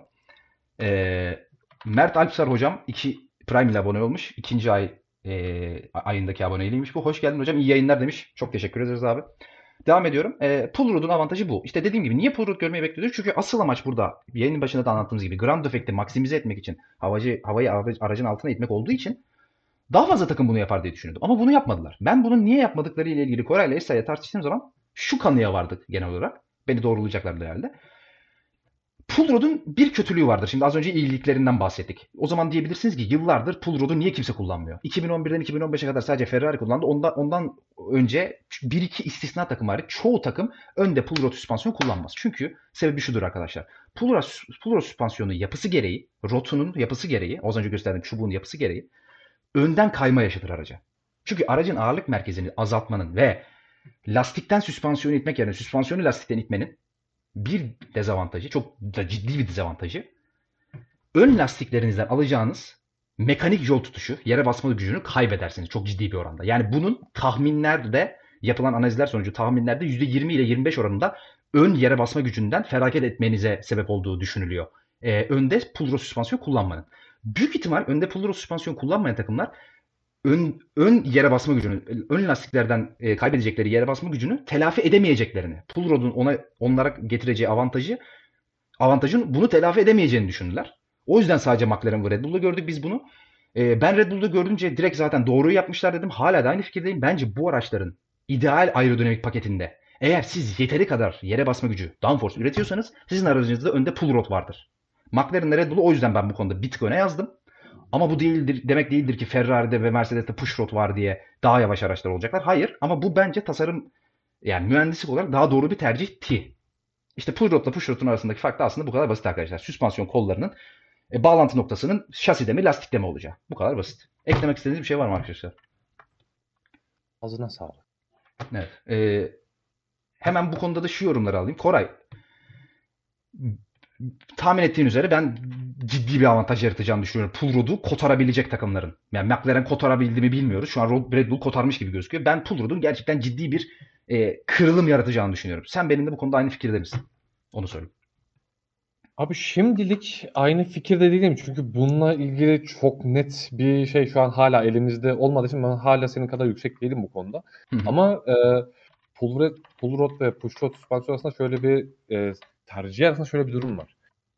Şimdi bu seneki özellikle e, lastiklerin değişimiyle birlikte e, araçlar biraz daha özellikle zemin e, asfaltta işte körtte vesaire geçmiş senedeki araçlara göre daha fazla tepki alacaklar. Evet. Yani ben bundan dolayı e, bu e, tasarımın daha zor olabileceğini düşünüyorum. Emin değilim. Hani bununla ilgili daha çok şey görmemiz gerekiyor. Ama diğer takımların daha tam tersini düşünmesinin nedeninin ben temel nedeni bu olduğunu düşünüyorum bu arada. Anladım. Ee, şimdi Esra'cığım sana şuradan pas atacağım. Ee, Ba- Ba- Barcelona testlerini bitirdik malumunuz. Ee, Bar- Bar- Bar- özür dilerim Bahreyn testlerini her iki testte konuştuk. Şimdi biraz takımların nasıl gözüktüğünden bahsedeceğim. Önceki öncelikle attıkları toplam turlardan bahsedeceğim. Sırayla gideceğim. En çok tur atandan en az tur atan takıma şeklinde özür diliyorum. En az tur atandan en çok tur atan takıma doğru gideceğim ve problemlerinden, özelliklerinden, insanlardan duyduğumuz, yerinde izleyenler kadarıyla insanlardan duyduğumuz karakteristik bazı özelliklerinden bahsedeceğiz araçlar. Şimdi Barcelona testlerinin en az tur atan takımı Haas oldu. 253 turla ve Haas e, önümdeki notlarda, aldığım notlarda Haas'la ilgili söylenen görüntü, e, izlenimler genelde şunlar. E, porpoising'den az etkilenen takımlar arasında olduğu söyleniyor. E, önden kaymanın en çok yaşadığı en çok yaşayan takımlardan biri olduğu söyleniyor ki ben buna katılıyorum. Ne zaman onboard görüntüsü gelse sürekli araç önden kayıyordu. Sürekli dışarıya yani viraj dönemeyip dışarıya taştığını gördüm ben. Ee, zaten al- yaklaşık bir yarım saat önce 5. 6. araç olduklarını düşünmüyorum derken de bu, bundan bahsediyordum. Ve genel olarak ben gridin çoğunluğu kadar yüksek değilim Haas'a onu da bir kere söyleyeyim. Ama en az tur atan ve porpoising'i de en az yaşayan takımlardan biri oldular. Esra'cığım senin Haas'la ilgili e, dediğim gibi güç sıralamasını sonra alacağım ama Haas'la ilgili gözlemlediğin ekstra bir şey var mı? Benim ek- benim eklemediğim. Yani Haas'ın iki sezonunu, bir buçuk sezonunu neredeyse çöpe attığını düşünürsek daha böyle e, iddialı, daha mücadeleci bir araçla geleceğini düşünüyorum ben. E, yani araç hızlı gitmesine hızlı gidiyor. Haas'ın problemlerinden biri de bu geçtiğimiz sezonlarda araç hızlı gitmiyordu. A- araç azından hızlı gidiyor ama yani şöyle bir temel sorunu var. Dediğin gibi viraj dönemiyor. Evet. Ee, bu da bu da onların başını bayağı ağrıtacak muhtemelen. Ee, ama yani geçen senelerde olduğu gibi de gridin böyle bir buçuk iki saniye gerisinde kendi halinde takılan bir takım olacağını da düşünmüyorum. Ama böyle e, 2018, 2017, 2018 Haas'ı seviyelerine çıkabileceğini de düşünmüyorum ben Haas'ın. Ee, teşekkür ederim. Hızlıca geç- geçiyorum. O yüzden birer birer size söz vereceğim çok öndeki araçlara gelene kadar. Sadece bir, bir tanenizden yorum alacağım. Şimdi sıra e, şeye geldi. E, Kore'ye geldi. Sırayı karıştırdım bu arada. Yani bilerek şey, şey yapmadım. Yanlış anlamayın. E, tur zamanına göre sıraladım. Şeye göre sıralamadım. E, attıkları tura göre sıralamadım. Günün en az e, yani daha doğrusu testlerin en az e, tur atan takımlarından pro- yaşadığı problemler nedeniyle en az tur atan takımlarından bir tanesine geçeceğim. E, McLaren ki at, e, bir tanesi değil Barcelona test, e, Bahreyn testlerinin en az tur atan takımı 199 turla. E, onların da en hızlı turu 1.33.191'lik turuyla Lando Norris'ten geldi. Şimdi McLaren'daki sorunlar nelerdi? Senin McLaren'la izlerinden nelerdi Koray? Biraz dinleyelim senden. Tabii. Bahreyn testler üzerinde McLaren'ın görünen en büyük sorunu fren e, sorunu gibi göründü.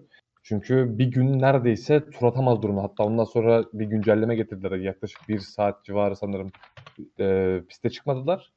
Ve güncellemelerden sonra biraz daha iyi göründü McLaren. Ama McLaren'la ilgili asıl konuşulan şey özellikle testlerin başında porpoising'e en az yaşayan takım oldukları söyleniyordu McLaren ama Ya McLaren porpoising'i evet daha az yaşıyordu. Gör, yani göz testi olarak söylüyorum bunu. Diğer takımlardan daha az yaşıyor gibi görünüyordu başlarda ama ya McLaren'ın özellikle virajlarda e, önden kayma zaten bütün takımlarda aşağı yukarı genelde basıyor ama McLaren'da önden kaymadan ziyade diğer takımlardan daha fazla bir arkadan kayma yani araç çok tiz görünüyordu virajlarda. E, aynı zamanda bu McLaren'la bahsedince işte porpoising'e daha az giriyor diye bahsedildi ama mesela e, düzlüklerde e, bütün takımlarda özel, e, bu yaşanan aşağı yukarı 250-260 kilometreye ulaştıktan sonra yavaş yavaş porpoising'in etkisi diğer takımlarda görmeye başladı. Özellikle Mercedes'te. Evet. McLaren bu kilometrelerde porpoising'e fazla girmiyordu başlarda. Ama e, bir trabe geçtikten tam frenlemeye gelmedi o top speed kısmını gördükten gördüğü bölümde orada McLaren'da çok ciddi bir porpoising, porpoising yaşanıyordu. Ve bu da McLaren'ın e, virajlara girememesine neden oluyordu. Zaten McLaren'ın testler boyunca benim gördüğüm en e, büyük sıkıntısı virajlara girememesi. Hani viraj alma vesaire viraj çıkışlarında asıl derdi yoktu. Araç toparladıktan sonra yine viraj alabiliyordu. Ama virajın başında McLaren çok sıkıntı yaşıyordu. Bence en büyük sorunları buydu. E, testlerin devamında muhtemelen e, özellikle 3. günde McLaren'da da mesela bu 250-260 kilometrelerde de fazla porpoising yaşanmaya başladı ama e, muhtemelen o farklı ayar denemelerinden dolayı kaynaklanan daha kötüye gitme durumundan değil. E, en büyük sorunu bence buydu. Özellikle frenleme noktalarında e, güncellemelere rağmen frenleme noktalarındaki sıkıntısı, viraj, viraja giriş sıkıntıları devam etti. Hız olarak çok e, bir şey söyleyemeyeceğim. Hani testler bunu çok net gösteren bir şey değil ama e, hani bu, kadar söyleyeceğim McLaren'la ilgili. En büyük sorunu vir, viraj girişleri. Ee, çok yüzde yüz katılıyorum zaten. E, çok ufak bir bekleme yapacağım. Ee, biraz iddialı bir yorum olacak ama bence elini en saklayan takım McLaren şu an gridde. Deyip geçiyorum McLaren'a. Ee, Williams'a geçmek istiyorum. Onlar da Barcelona testleri boyunca 258 tur attılar. Çoğu insanın bu lead notu da vereyim. Güç sıralamasında çoğu e, gazetecinin diyeyim Formula 1 gazetecinin son sırasında olduğunu gördüm ben. Hiç katılmıyorum ama dediğim gibi oraya geleceğiz. E, yayının son dakikalarını güç sıralamamıza ve tahminlerimize harcayacağız. Orayı kaçırmayın bence. Çok komik şeyler çıkacak çünkü sezon sonuna baktığımızda. E, Williams en kapalı kutu takım gibi. Yani e, et midir, balık mıdır, tavuk mudur ben şahsen hiç anlayamadım. Ama aracın genel tasarım anlayışına baktığım zaman benim kafamdaki 2022 aracına gerçekten uyan bir tasarım. Önde pull rod olmaması haricinde. Onların kaderleri bence Mercedes'e çok bağlı. Bunu sebebimin bunu söylememin sebebi e, şey değil. E, Mercedes motor kullanmaları değil. Tasarım anlayışı olarak da çok benziyorlar Mercedes'e. Ufak bir Mercedes gibiler sanki mer- fakirin Mercedes'i gibi. Mercedes kadar radikal değiller ama çizgileri Mercedes'te çok benziyor. O yüzden kaderleri bence e, Williams'a çok bağlı. E, Mercedes'e çok bağlı Williams'ın. Mercedes iyi bir araç çıkarsa ben Williams'ın da iyi bir araç çıkacağını düşünüyorum. Deyip geçiyorum. Dediğim gibi birer birer gidiyoruz öndekilere gelene kadar. E, Alpine'i şimdilik geçeceğim. E, Aston Martin bol bol tur atan takımlardan bir tanesiydi. 339 turu tamamladılar. Onların da en hızlı turu Vettel'in 1.33-821'lik turuydu. Ee, Esra'cığım Al ne oldu? Neye güldün? Biri rüyasında görmüş de Zıla, Zıla Nation. Benim iki hafta önce rüyamda e, Norris pole alıyordu. Bahreyn'de yarışı da kazanıyordu. Ama finish çizgisini Bakü'de geçiyordu. o yüzden saklama mevzusu doğru olabilir nacizane.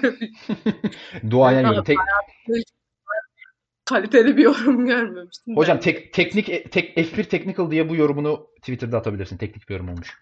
Ee, es, Esra'cığım e, Alfa Romeo ile ilgili görüşlerin neler? Onlar da aslında yani problemleri ve önden kayma, klasik önden kayma ve porpoising sorunları dışında herhalde çok da fazla fikrimizin olmadığı bir Alfa mı Aston mu? Aston değil Alfa, Alfa, Alfa pardon özür dilerim Aston değil. Alfa.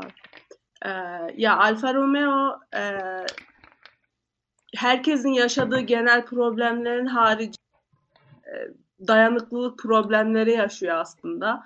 Barcelona'da da çok yaşadılar. Bahreyn'de de neredeyse her seans bir yolda kalmaları oldu bir şekilde. Ee, ve ben Alfa Romeo'nun aslında iyi bir araçları olduğunu ama bu dayanıklılık problemlerinden dolayı sezonu istedikleri yerlerde bitiremeyeceklerini düşünüyorum. Halbuki çok da güzel bir araç yani güzel gitse keyifle izlerdik. Evet katılıyorum. Aracı da ekrana verdim. Gerçekten çok güzel bir araç ama ben de yani e, orta sıraların arka taraflarında yer alacağını düşünüyorum Alfa Romeo'nun deyip geçiyorum bir sonraki Bir takımımıza. Alfa Romeo ile ilgili bir şey eklemek istiyorum ben. Tabii ki hayatım istediğini ekleyebilirsin. Ee, bu ağırlık mevzuları başlamadan önce. Evet. Evet evet evet çok güzel Deni. Dur dur girme oraya geleceğiz. Oraya girme anladım ben seni. Ağırlıkları konuşacağız arkadaşlar. Ağırlık meseleleri overweight olan araçlar var. Müsaade edilen kilonun çok daha üzerinde olduğu söylenen araçlar var ve bunların çoğu şampiyonluk adayı. Oraya geleceğiz. E, güç Alfa sıralamamızda onları deneyelim. ben şunu söyleyeyim kiloya Evet. girmeden. Ee, Alfa'nın eğer bu şey gelmeseydi değişim, değişiklik Evet. Alfa'yı orta sıralara ben yazardım. Ama bu değişiklik muhtemelen aracın bütün ağırlık merkezini değiştireceği için Alfa'nın biraz geride kalacağını düşünüyorum onun için. Yoksa bence orta sıralara yarışacak bir araç bence.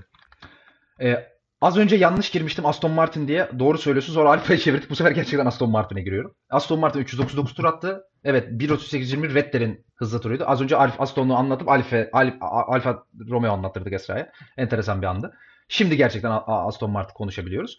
Ee, yine Mercedes motorlu çok radikal bir dizayn tasarımına sahip olmayan, önde pushrod, arkada pull rod'u olan ve benim şahsen e, yani Mercedes motoru çok aman aman bir motor çıkmadığı sürece ayrı dönemlik tasarımını çok beğenmediğim araçlardan bir tanesi şahsi yorumum deyip e, Kore'ye daha detaylı analiz için pas atmak istiyorum. Nelerdi senin Aston Martin e, görüşlerin? Aynen. Aston Martin'in en kilit noktası bence diğer araçlara göre biraz daha yüksek bir tasarım var Aston Martin. Evet.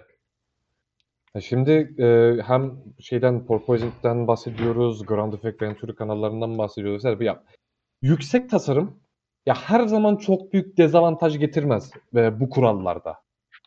Çünkü e, özellikle Ground Effect'in Ground Effect'e uygun e, bir e, şey yap e, nasıl söyleyeyim? Hani daha iyi çalıştırmak için daha alçak, e, yüksekliği daha az araçlar biraz daha idare etmesi kolaydır. Hani orada biraz daha e, tam iyi bir şekilde yaratabilirsin aracı. Hı. Yüksek tasarımda da bunu yapabilirsin. Ama e, daha düşük seviyedeki tasarıma göre yapması biraz daha zordur. Çünkü e, oradan geçen hava daha fazla. Aynı zamanda e, akış hızını daha alçak araçlara göre ayarlaman daha zor. Hem de e, havanın sağa sola kaçmamasını sağlaman lazım. Hani yüksek e, araç yüksekse bunu yapmak biraz daha zor. Hı hı. Hani onun için Aston Martin'in tercih ettiği tasarım hiçbir şey getirmeyecek bir tasarım değil. Ama onu, onu grid de özellikle kağıt üstünde bence çok geri atıyor. Çünkü e, hem ayarlarını bulması, güncellemelerini vesaire getirmesi Aston Martin'in işi ba- bayağı zor bence bu sene. E, hemen hemen aynı yorumları sahibiz. Esra'cığım eklemek istediğin ekstra bir şey yoksa geçiyorum. Var mı hayatım? Yok. Tamamdır. Ee, genel olarak benim gridin geri kanalı yani yine e, şeylerin Paddock'un geri kanalıyla kalanıyla aynı fikirde olmadığım bir araca geçiyoruz. Alpine. Yani e, motoru çok yavaş dendi. Ocon 326 kilometreye çıktı. Yani hafta sonunun en hızlı ikinci kilometresi 327'den sonraki.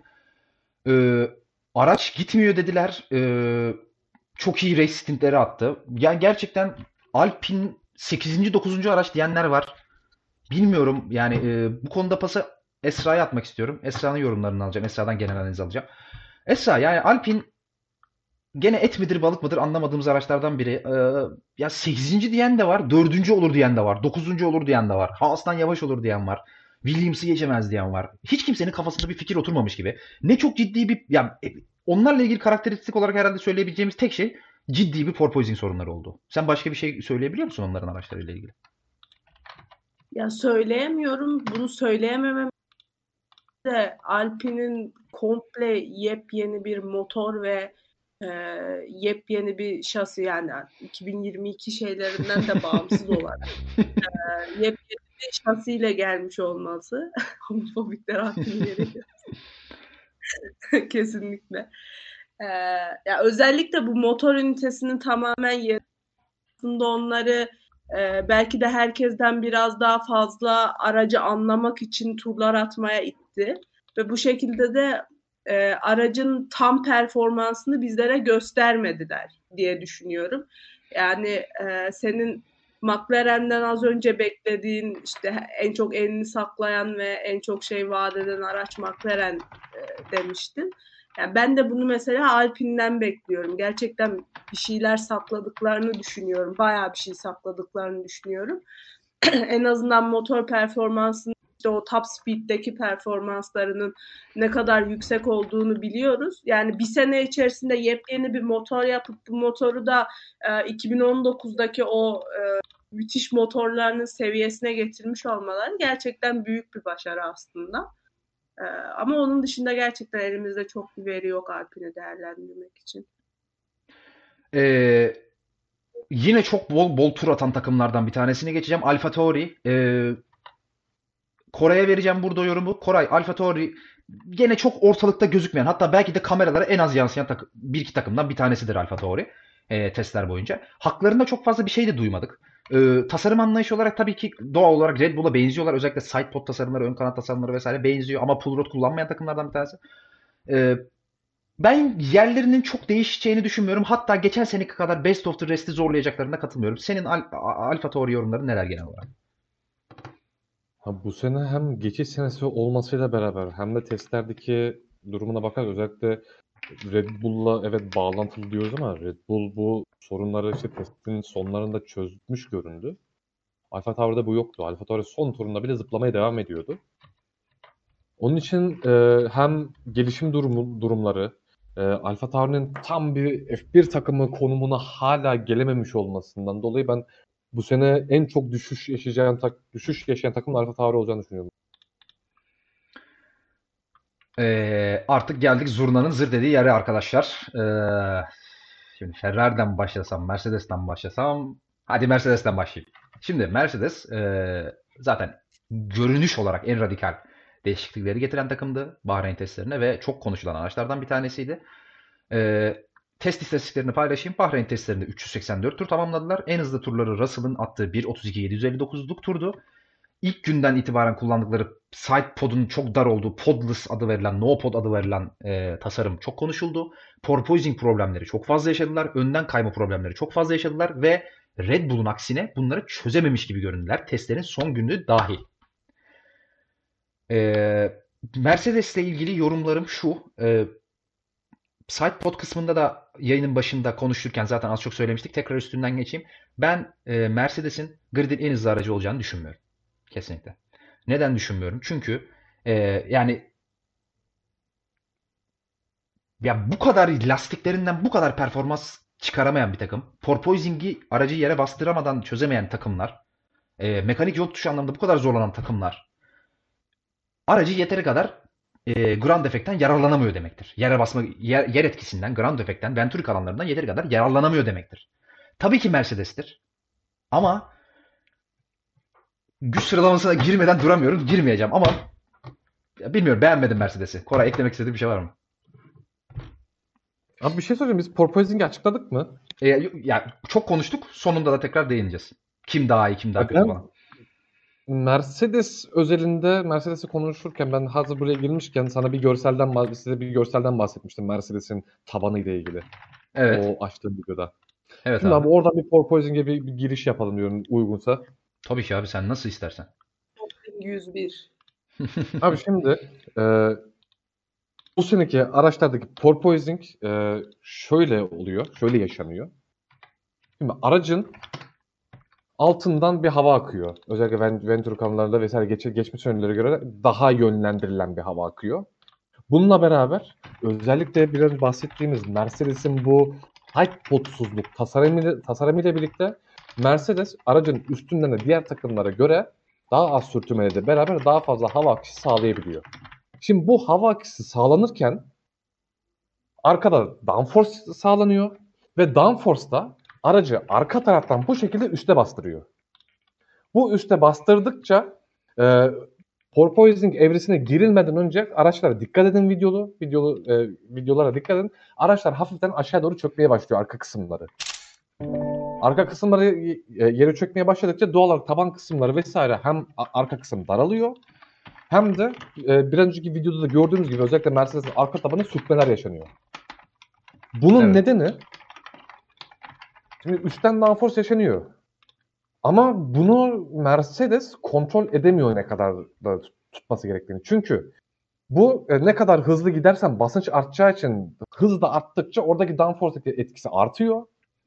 Bununla beraber araç daha aşağı iniyor E, e, sonuçta bütün e, süspansiyonlar, lastikler, aracın diğer parçaları vesaire esnek parçalar ve artık ta- hava aşağı basıldıkça araç aracın tab- e, taban kız tabanın altından venturi kanallarından geçen hava çıkacak artık yer bulamıyor ve o da orada Evet. sıkışma sıkışıyor. Aynen E, öyle. öyle olunca araç yukarı kalkma eylemine geçiyor. Ve Şu şu iki dakikalık şu iki dakikalık seansı kesip porpoising nedir diye grid hesabımızda paylaşacağız arkadaşlar. Ağzına sağlık Koraycığım devam et. Ne demek abi? Daha sonra araç artık e, aracın altından hava akamayacak duruma geldiği için e, bu sefer daha fazla bastıramıyor ve artık o geri tepiyor. Geri tepince araçta şu dengesizlik Evet. yaşanmaya başlıyor. Porpoising bu oluyor. Evet. Şimdi Mercedes'in e, biraz önce de bahsettim. Bunu yaşamasının en büyük nedenlerinden biri bence sidebotsuzluk. Evet. Çünkü aracın üst kısmında olması gereken daha fazla basınç oluşturuyor bence Mercedes. Katılıyorum. Ve e, sezon içinde şu tasarıma bakılırsa ben şimdilik çözülebilecek bir şeymiş gibi e, görmüyorum. Ya şimdi bunu atıyorum işte süspans daha sert süspansiyonlar kullanılabilir ya da e, aracın özellikle ön kanat kısmında yapılacak değişikliklerle daha az havayı aracın üstünden geçecek tasarımlar vesaire gelebilir. Ama bunların ben e, tamamen bir çözüm olacağını düşünmüyorum. Çünkü yine dediğim gibi araçları bütün olarak değerlendirmek lazım. Evet. Hani bu evet aracın üstünden geçen havayı değiştirebil değiştirirken aynı zamanda altına giden havada da bir dengesizlik yaratabilir. Ben onun, onun için Mercedes'in bunu çok çok iyi bir şekilde çözebileceğini düşünmüyorum sezon ortasındaki bütçe sınırı da var. Evet. Evet. Onun için e, evet gelişim tabii ki sağlarlar. Ama tamamıyla sezon sonunda bu sorunundan kurtulmuş Mercedes göreceğimizi ben zannetmiyorum. Ağzına sağlık. Porpoising ile ilgili konuştuklarına şunu ekleyeyim. Madem porpoising konusuna girdik artık onu da bitirelim. Ee, porpoising'in en basit çözümü arkadaşlar. Aracın ride height'ını yani yerden yüksekliğini arttırmak. Bu çok klasik bir çözüm. Ama bunu yaptığınız zaman ne oluyor? Hepinizin de tahmin edebileceği gibi. Asıl amacı ground efekte e, aracın altına mümkün olduğu kadar havayı basıp aracı mümkün olduğu kadar yere yakın tutmak olduğu için e, siz aracı yerden yukarı kaldırdığınız zaman yer etkisini ground efekti azaltmış oluyorsunuz. Buradan elde edeceğiniz downforce'u köreltmiş oluyorsunuz. Takımlar o yüzden e, porpoising'i hop hoplamayı, hop hoplama demiştik değil mi? Hop hoplama. Hop hoplamayı e, right height'ı arttırmadan çözmeye çalışıyorlar. Şu ana kadar net olarak ideal piste yakınlık, ideal right height'ı yakalayıp da porpoising yakalamadığını, olmadığını gördüğümüz tek bir takım var. Testlerin son günündeki, son iki saatindeki Red Bull. Ben başka görmedim. İdeal ideal yere yakınlığı yakalamış takımlar arasında söylüyorum. Ferrari ve McLaren bence ideal yere yakınlığı yakalamış durumda değiller. Ha, bu böyle mi devam edecek? Hayır. Gerek Aston Martin mühendislerinden, gerek Red Bull mühendislerinden, gerek Ferrari mühendislerinden, gerek Adrian Newey'in kendisinden, gerek Ross Brown'dan duyduk ki takımlar bu porpoising'e bir şekilde çözüm bulacaklar çok yakın zamanda. Hatta belki Bahreyn'e gelindiğinde yarışa hiçbirinde böyle bir problem kalmamış bile olabilir. Esra'cığım eklemek istediğin bir şey var mı Mercedes'le ilgili? Ee, yok Mercedes'le ilgili yok. Tamam. Şimdi seni çok konuşmaktan hoşnut olacağını düşündüğüm bir araca geçiyorum. Ferrari F1-75. Ee, Lasciatemi canta. Evet Ferrari Ferrari geldi. Ferrari F1.75 Esra'cığım. Et midir, balık mıdır, tavuk mudur, gridin en hızlı aracı mıdır, değil midir? Çok konuşuldu. Bir de sen bize anlat. Bir kere çok güzel görünümlü bir araç. Öncelikle bunu sanırım Geleceğiz. herkesin ortası Geleceğiz yani. Geleceğiz. En güzel görünen araçlardan bir tanesi. Ee, Ferrari şöyle, ben hala Ferrari'nin özellikle Red Bull son günkü atılımından sonra e, gridin en hızlı aracı olduğunu düşünüyorum. Ama genel olarak hani Barcelona artı Bahreyn testlerinden sonra genel kanı Ferrari'nin şu an griddeki en sürülebilir araç olduğu yönünde. En sürülebilir araç da ne? En dengeli araç yani. Ee, ne zaman önden ne zaman arkadan kayacağı bilinmeyen bir araç değil. Ee, Hı hı. O açıdan e, dengeli bir araç olduğu söyleniyor. Ee, Ferrari evet Bahreyn'e çok fazla güncelleme getirmedi. Yani bütün elini aslında Barcelona'da dökmüş oldu. Çünkü Ferrari bu aracı işte bir buçuk iki senedir neredeyse 2020 sezonunda çöpe attığını düşünürsek E, bunu tasarlıyordu zaten ve sanırım hani e, motor gücü dışında da öyle çok ellerini saklamak istedikleri bir durum yoktu. Hı hı. E, sadece e, tabanla alakalı o da porpoising'i engellemek için işte McLaren benzeri bir çözüm getirdiler. E, tabanın arka kısmında o hemen lastiğin önündeki kısımda e, ufak metaller koyarak orada işte e, vortex dediğimiz o Hı hı, e, şeyler oluşturarak e, işte o havayı orada tutmaya çalışıyorlar aslında şey gibi McLaren gibi.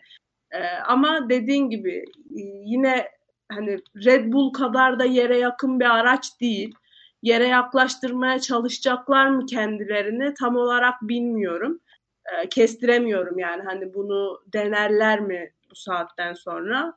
E, çünkü çok fazla denemesi oldu porpoising ile alakalı işte ne kadar yere yaklaştırabiliriz, ne yaparız vesaire diye deneme turu çok atıldı Bahreyn'de. E, Ferrari'nin motor ünitesi şu anda en büyük soru işareti.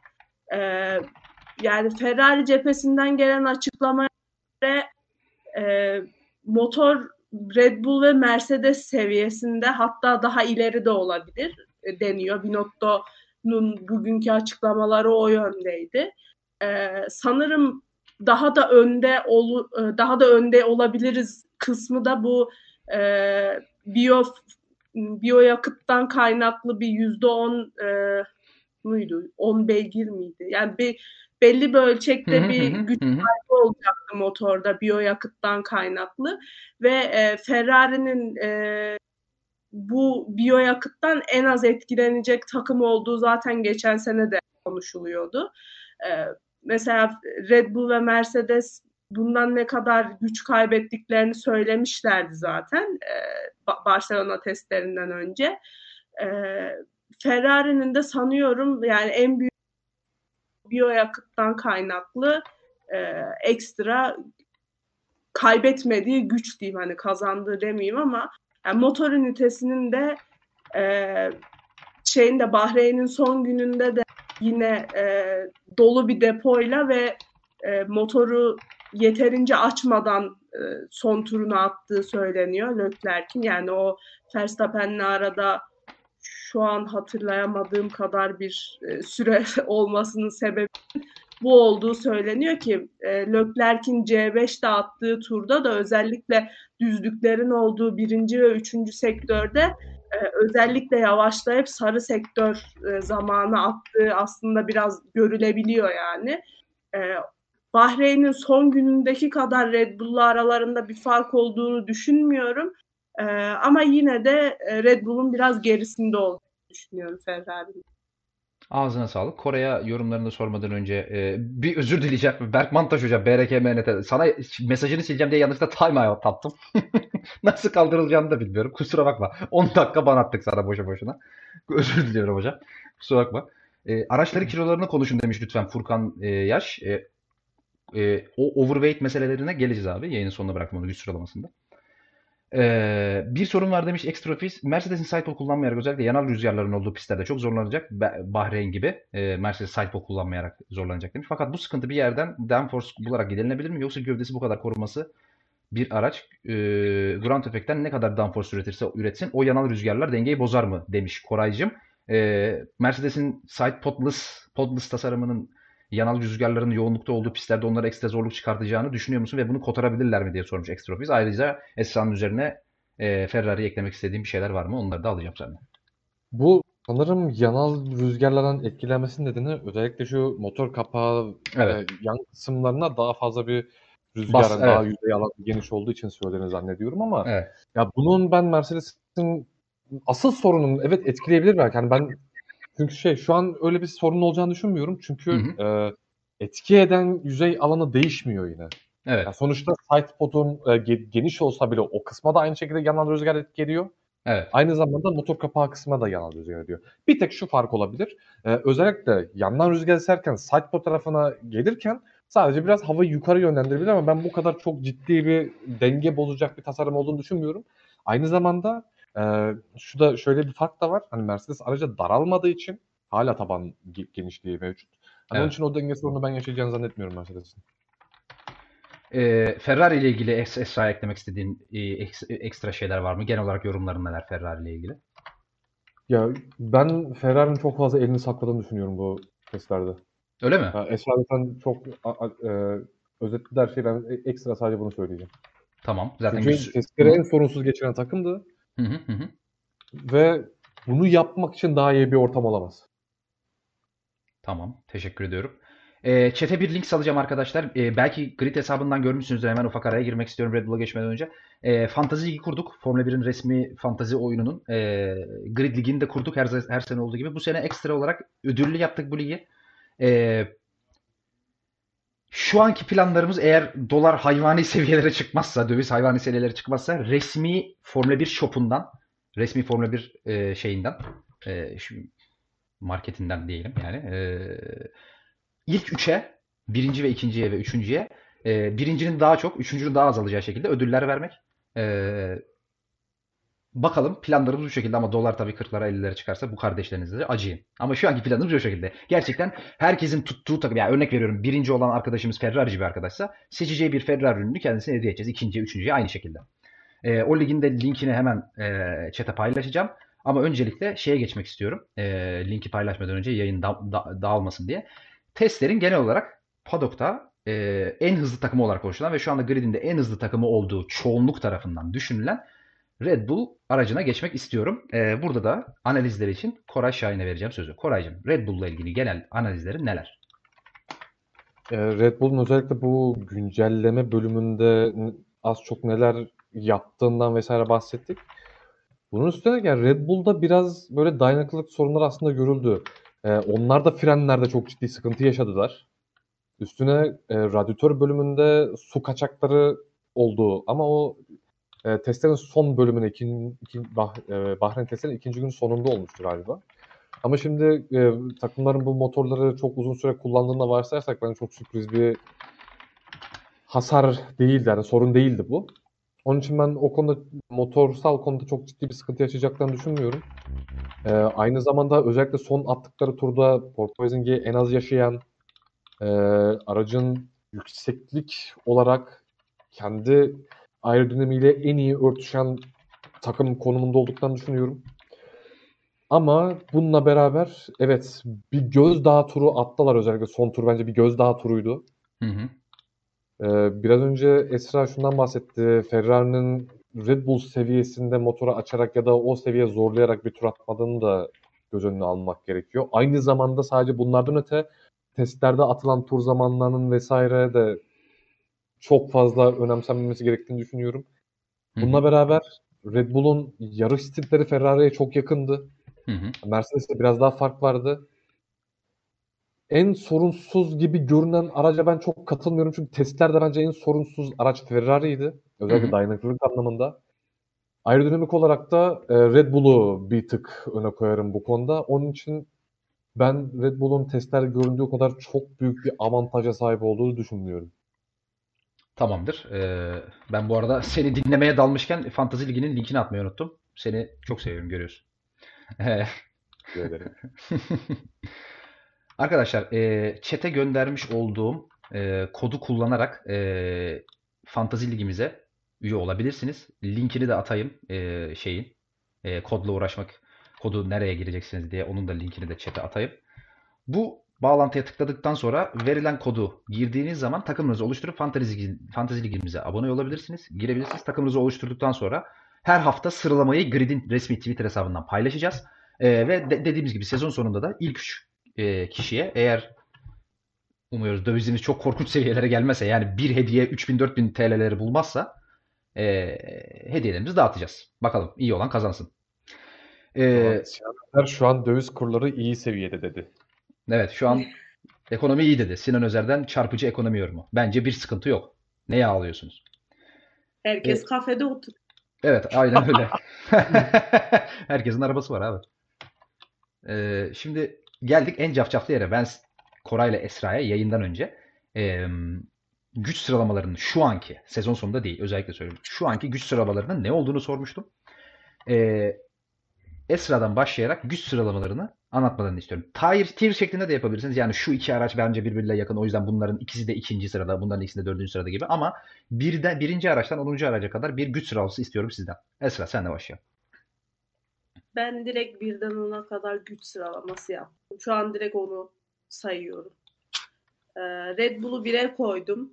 Sonra Ferrari, Mercedes, McLaren, Alpine, Aston Martin, Alfa Tauri, Williams, Haas ve Alfa Romeo dedim. Bir daha alabilir miyim? Yavaş şekilde 1-2 diyerek alabilir miyim tekrar? 1 Red Bull, Evet. Bir Red Bull. Ferrari, Ferrari. 3 Mercedes, Evet. 4 McLaren, McLaren. 5 Alpine, Alpine. Enteresan. 6 Aston Martin, Aston. 7. 7 Alfa Tauri, Alfa. 8 Williams, Evet. E, 9 Haas, Haas. 10 Onda Alfa Romeo. Alfa Romeo. Çok teşekkür ediyorum. Yayını, e, hepimizin pay- şeylerini paylaştıktan sonra tekrar okuyacağım bunları ve Grid'den de sezon sonunda rezil olmamız için atacağım bu paylaşımları. E, Twitter'dan atacağım. Şimdi atacağım ki sezon sonunda bakarıp tekrar kim rezil olmuş görelim. O- Koraycığım senden de bir Power Ranking güç sıralaması alalım. Ben ondan başlıyorum. Tamam. İzin varsa. E, tabii ki estağfurullah. Beni yormak, sıra- beni yormak için yapamayacağın hiçbir şey yok. 10. sıra Haas. Tamam. Bak batladı, patladık bir anda. Evet. 9 Williams. Evet. 8 Alfa Tauri. Evet. 7 Aston Martin. Evet. 6 Alfa Romeo. Alfa Romeo. 5 McLaren. McLaren. 4 Alpine. 4 Alpine. 3 Mercedes. Mercedes. 2 Ferrari. Ferrari. Burada çok değişmiyoruz anladığım kadarıyla. Evet. Bir de Red Bull zaten. 1 Red Bull ama Ferrari ve Red Bull'un güç dengesinin değişebileceğini de ekleyeyim. Hemen hemen aynı yerdeyiz. Ee, Aynen. kendi sıralamama geçiyorum. Çok benzer aslında. Ben biraz da tier'lı yaptım ayıramadığım takımları. Ee, sürprizler var arada. Özellikle Berkay Küçük'ün hoşuna gideceğini düşünüyorum. Eğer buradaysa. Ben Red Bull'la Ferrari Koray'ın dediği gibi tahmin edilenden daha yakın olduğunu düşünüyorum. Grid'deki genel algının aksine bence o kadar uzak değiller ve Ferrari Red Bull'un bir noktada, çok da yakın bir noktada öyle 8. 10. yarışta değil. Bir noktada önüne geçebilir ve Bahreyn'de de ufak bir farklı da olsa pole pozisyonu ve yarış galibiyetini alan Ferrari olsa şaşırmam ama hala favorim Red Bull şu anda. Yani şu anki güç dengesinde hala favorim Red Bull. Ondan sonra çok yakın sırada Ferrari var. Ferrari ile Red Bull'un birbirine yakın olduğu kadar onlara yakın olmayan bir Mercedes var bende 3. sırada. Ama ona çok yakın olan bir McLaren var 4. sıramda. Onlardan maalesef en az bir yarım saniye geride Alpine var bence. Ee, burada biraz Esra ile örtüşüyoruz. 6. sıramda benim Alfa Tauri var. 7. ve 8. sıramı çok yakın. Hangisi önde olur bilmiyorum. Williams'a gidiyorum bazen Aston'a gidiyorum ama 7 ve 8 Aston Williams son anda Aston 7 Williams 8 dedim ama Williams 7 Aston da 8 olabilir. Ben Williams'ın kötü bir araç olduğunu düşünmüyorum. 9. sıramda Alfa Tauri var. Ee, 10. sıramda da Haas var. Alfa Tauri değil Alfa Romeo var. 10. sıramda da Haas var. Ee, benim de sıralamam bu şekilde. Ee, tekrar okuyorum. Esra'nın sıralaması 1 Red Bull, 2 Ferrari, 3 Mercedes, 4 McLaren, 5 Alpine, 6 Aston, 7 Alfa, 8 Williams, 9 Haas, 10 Alfa şeklinde. Koray Red Bull, Ferrari, Mercedes, Alpine, McLaren, Alfa Romeo, Aston, Al Alfa, Tauri, Williams, Haas. Ben de Red Bull, Ferrari, Mercedes, McLaren, Alpine, Alfa, Tauri, Aston, Williams, Alfa Romeo, Haas şeklinde. Yani sıralamalarımız aslında ön tarafta özellikle çok benzer. Üçümüz de Red Bull'un en hızlı araç olduğunu, Ferrari'nin ondan sonra geldiğini, Mercedes ve McLaren'ın da ondan sonra geldiğini düşünüyoruz. Bu, burada aslında padokta çok da ayrılmıyoruz gibi geldi. Biraz Alpine e, hepimiz de padoğa göre önde. Özellikle Koray çok ciddi bir, bir, bir iddiayla dördüncü sıraya yazmış. E, ben de beşinci sırada, e, Koray şeyde de Esra'da da beşinci sırada. Biz Alpine'e biraz daha yükseğiz anladığım kadarıyla padoktan. Padok'a, padok'un aksine. Güç sıralamamız bu şekilde. Dediğim gibi tweet, Grid'in Twitter hesabından yayın bittikten sonra bunları paylaşacağım ki ileride açıp okuyabilelim. Ee,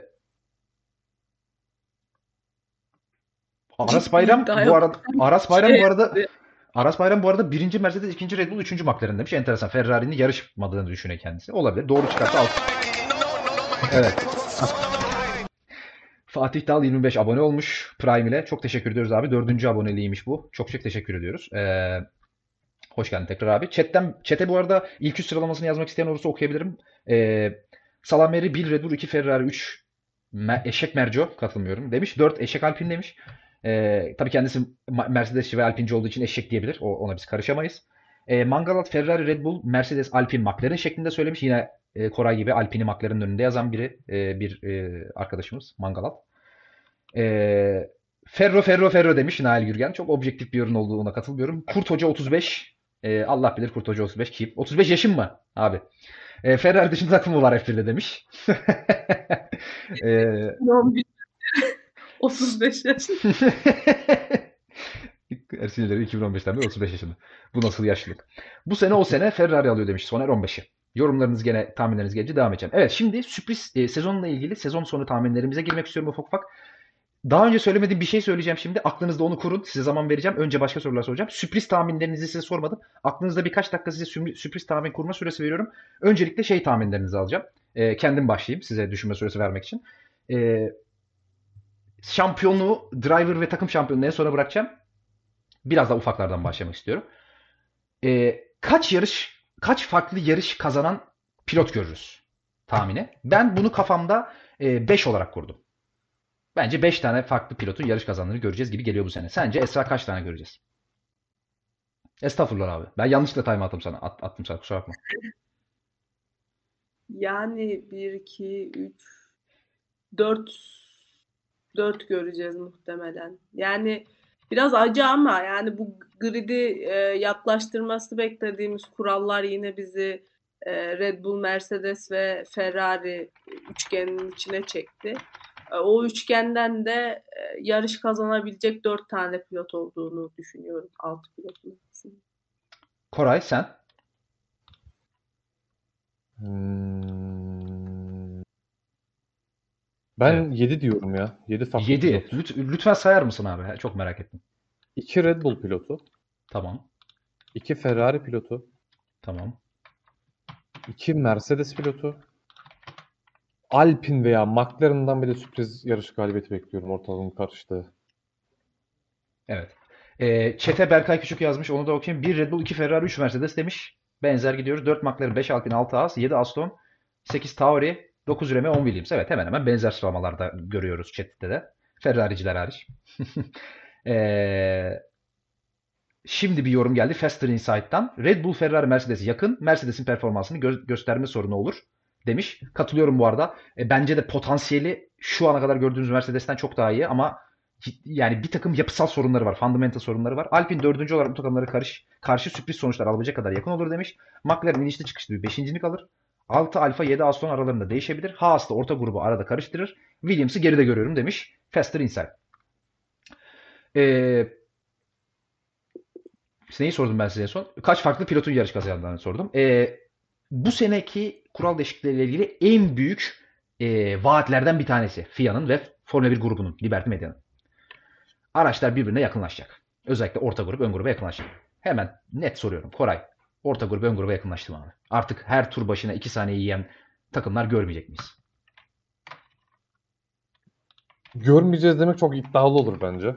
Bence Tamam. yine göreceğiz. Özellikle Williams, Haas işte benim sıra, kendi yazdığım sırama göre söylüyorum. Ha, Aston Martin, Alfa Tauri, Haas, Williams gibi takımlar yine 1,5-2 saniye civar bence geride olacaklar en az. Evet. Ama e, Alfa Romeo'nun ben Alfa Romeo biraz sürpriz düşünüyorum çünkü e, Alfa Romeo'nun durumu biraz e, bu ağırlık değişimini nasıl kurtaracağına bağlı. Hadi belki onu da yazabiliriz duruma göre. Ama özellikle Red Bull, Ferrari, Mercedes, Alpine ve McLaren arasında ben bu beşlinin bir saniye içine dizilebileceğini düşünüyorum. Ya bu E- sadece tek yarış ya da kısa yarış, kısa pist özelinde değil. Hani genel olarak ortalama bir sonuç çıkartırsak hani hı. ben bunların çok çok aşırı büyük farklarda olacaklarını zannetmiyorum bu 5 takımın. Esra'cığım sence de e, senin de yorumlar alalım. Sence grid yakınlaştı mı birbirine? Ya bir miktar yakınlaştı ama söylendiği gibi öyle e, atıyorum mesela bir gün Williams'ın bir gün Ferrari'nin e, bir gün e, Alpine'in kazanacağı yarış kazanacağı şekilde bir ortam oluşmadı. Ben az önce de söyledim. E, ön grubu e, yine aynı Ferrari, Red Bull, Mercedes üçgeni içerisine e, çekebildik. E, ki yani Ferrari'nin yeni kurallarla beraber tekrar yukarıya çıkacağını az çok tahmin ediyorduk hepimiz. 2020 ve 21 sezonlarının istisnai olduğu belliydi. Ee, onun dışındaki grup da yani 2 saniye yemeyecek muhtemelen tur başına. Ama yine aralarında büyük bir fark olduğunu böyle hani e, yanından el sallayarak geçip gidiyor e, dediğimiz farkların oluşacağını düşünüyorum ben. O kadar da süre olarak yakınlaştırmadı bence gridi. Tamam. Ben de bu arada aynı fikirdeyim. Öndeki üçlünün çok fazla yani untouchable gibi biraz, dokunulmaz gibi biraz öndeki üçlü gibi geliyor. Umarım oraya girenler olur. Ama şuna e, eminim kendi adımda. Tur başına 2 saniye falan yemeyecekler abi yarışta. Ona eminim yani arka grup. Bu da iyi bir şey yani. E, sürpriz tahminlerinize geçelim. Bu seneyle ilgili sürpriz bir tahminin var mı Koray? Yani vardır da nedir yani? Ama gerçekten sürpriz istiyorum.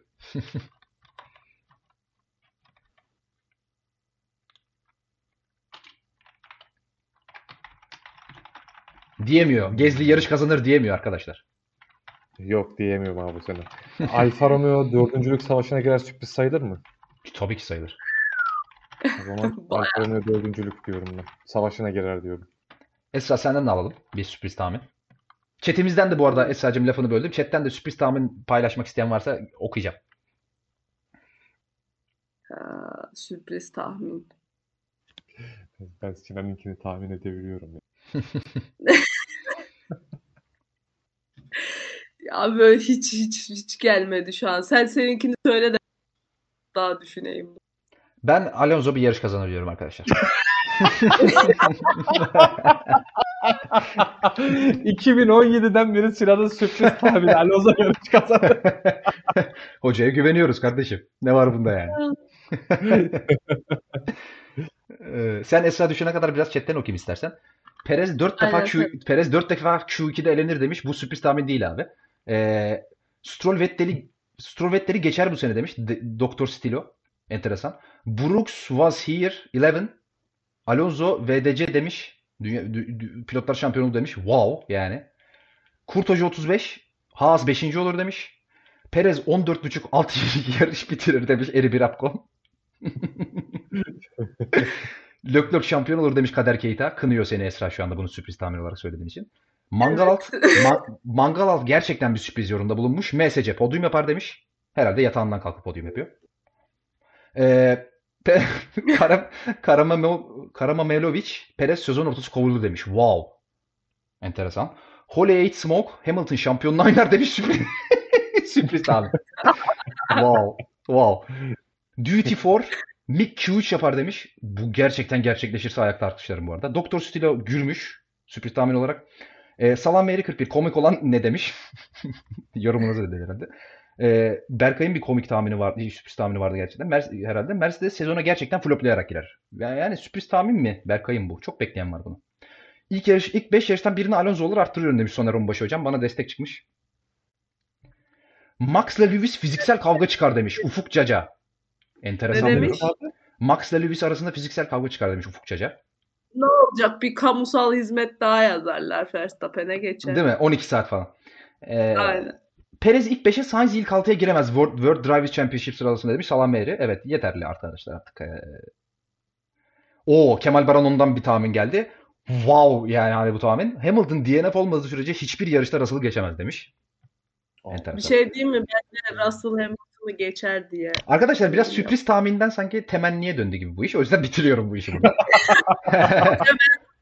Russell'ı da çok sevmiyorum yani. O yüzden çok şey değil ama ben ya şöyle e, hani neyi çalıştırdılar, neyi denediler ikisinin sürüşlerinde bilmiyorum ama ben Russell'ın daha stabil bir yarış stinti Hamilton'ın da biraz e, mesela 3-4 tur e, düzgün istikrarlı tur attıktan sonra ya başlarda çok hızlı gidip sonra istikrarlı gidip sonra birden düşmesi var e, ya da komple dağınık turları var. O yüzden biraz hani Russell'ın o istikrarından dolayı biraz Russell'ın geçebileceğini düşündüm.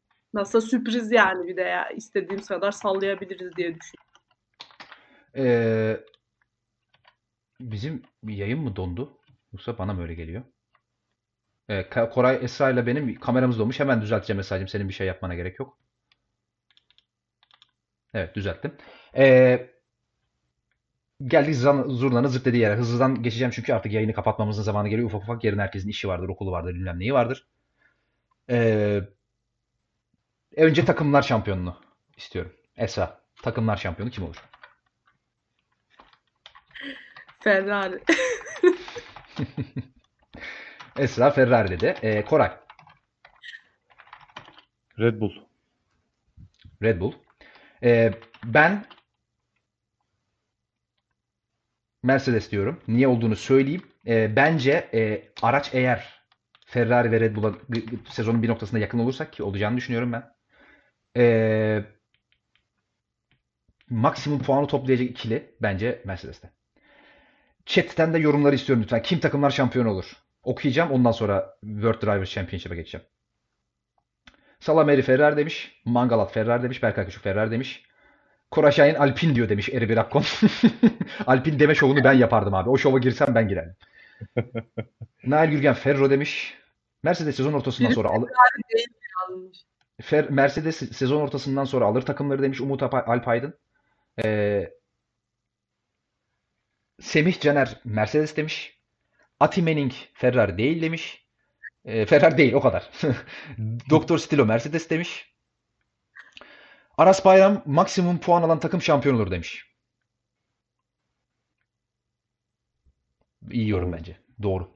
Yanlış bir şey gö- yanlış bir şey göremedim. Abi F1 Technical hashtag ile bu tweet'i atarsan iyi fav alırsın. Ee, VCC Mersu demiş Kader Geyta. Fast Nisan Mercedes sadece takımları kazanır demiş. Yine son yarışa kalsın da kim olursa olsun demiş. Onbaşı Sober. Ufuk Cece RB demiş.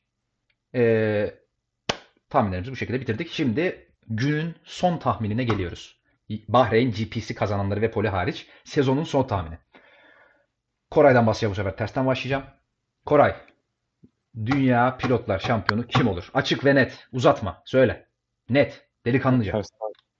Verstappen. Max Verstappen. Notumu aldım aga. VDC, Koray, Verstappen. Ben aldım notumu. Bundan sonra dönüş yok. Bu not silinmez. Ben bunu cloud'a bile eklerim. Esra, net, samimi.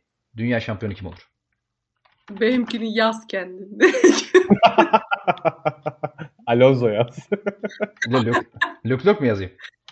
yani Hayır bir şey söyleyeceğim bak. Bu ciddi düşündüğünüz tahmini istiyorum. Şova girmeyin.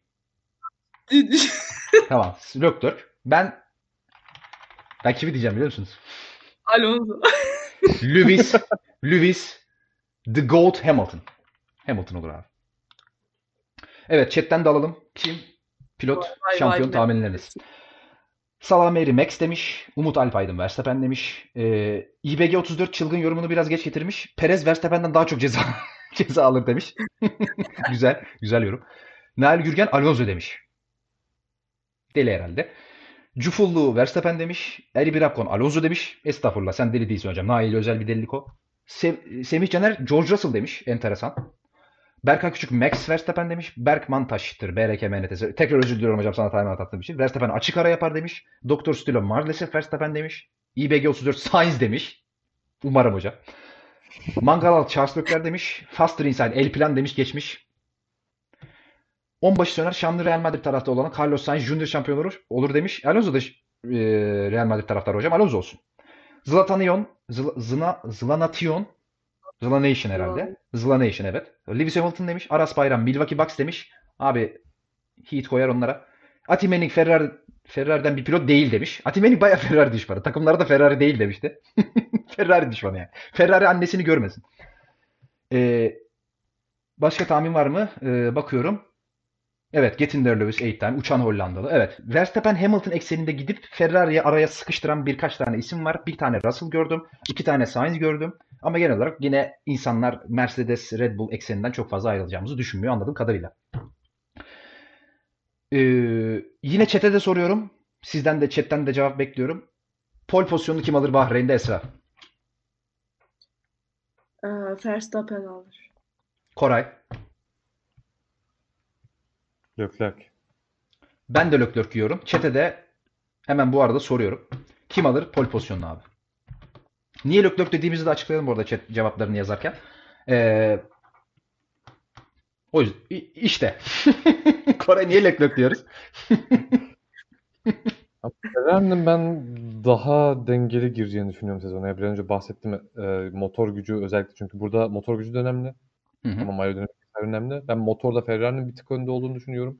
Aerodinamik olarak da Red Bull'un bir tık önde olduğunu düşünüyorum. Motor artısından dolayı bu pole Leclerc yazdım ben. Hemen chatimizi okuyorum. Bol bol chat'e yorum geldiğine çok teşekkür ederiz. E, Leclerc demiş Salam Meri. Nail Gülgen Paul Leclerc. Kazanırı okumuyorum. Kazanır daha sonra. Verk Bartaş Leclerc. Dueti Leclerc. Leclerc. Sainz. Lando Norris. Ferrari alamaz. Rüyamda gördüm. Lando Norris demiş rüyamda gördüm.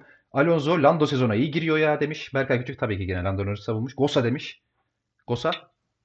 Ha geçmiş olsun Sinan'a. Aa bizim Kerem'miş. Teşekkür ederim abi. Kendisi bana geçmiş olsun demiş. E, daha iyi pilot olduğu için demiş şey. Evet. E, Sainz, Leclerc. Çok fazla Leclerc var. E, şu Dri- Driver Championship'te Leclerc diyenlerin sayısı çok azdı. Pole pozisyonunda bol bol Leclerc alır diyen var. Chat'te biraz kafa karışıklığı sezdim. 0-3 farkta Leclerc demiş. Kurt Hoca 35. İlk 4-5 dur ilk 4-5 yarışa girme hocam. Dur şimdi bir dakika. Şimdi geldik son tahminimize günün. Yine chat'e soruyorum önce. Sonra Kore'ye soracağım. Bahreyn'i kim kazanır chat? Amasız fakatsız. Bahreyn'de kim damalı bayrağı önde geçer? Koray. Söyleyeyim mi hemen bekleyeyim mi? Söyle abi. Verstappen. Verstappen. Neden peki? Açıkla bakalım. Niye Vers e, Leclerc pole'den başlıyor Verstappen kazanıyor? Ferrari stratejide sıçar. Verstappen de kazanır. Ha bu arada güç dengesi olarak bakarsan bence normal şartlarda hani güç dengesi olarak Ferrari ama e, stratejide Red Bull'un Ferrari'yi yeneceğini düşünüyorum ben. Esra kim kazanır? Amasız fakatsız. Leclerc. Aha sen de pole max alır yarışı Leclerc kazanır dedin. Niye? Seni de dinleyelim.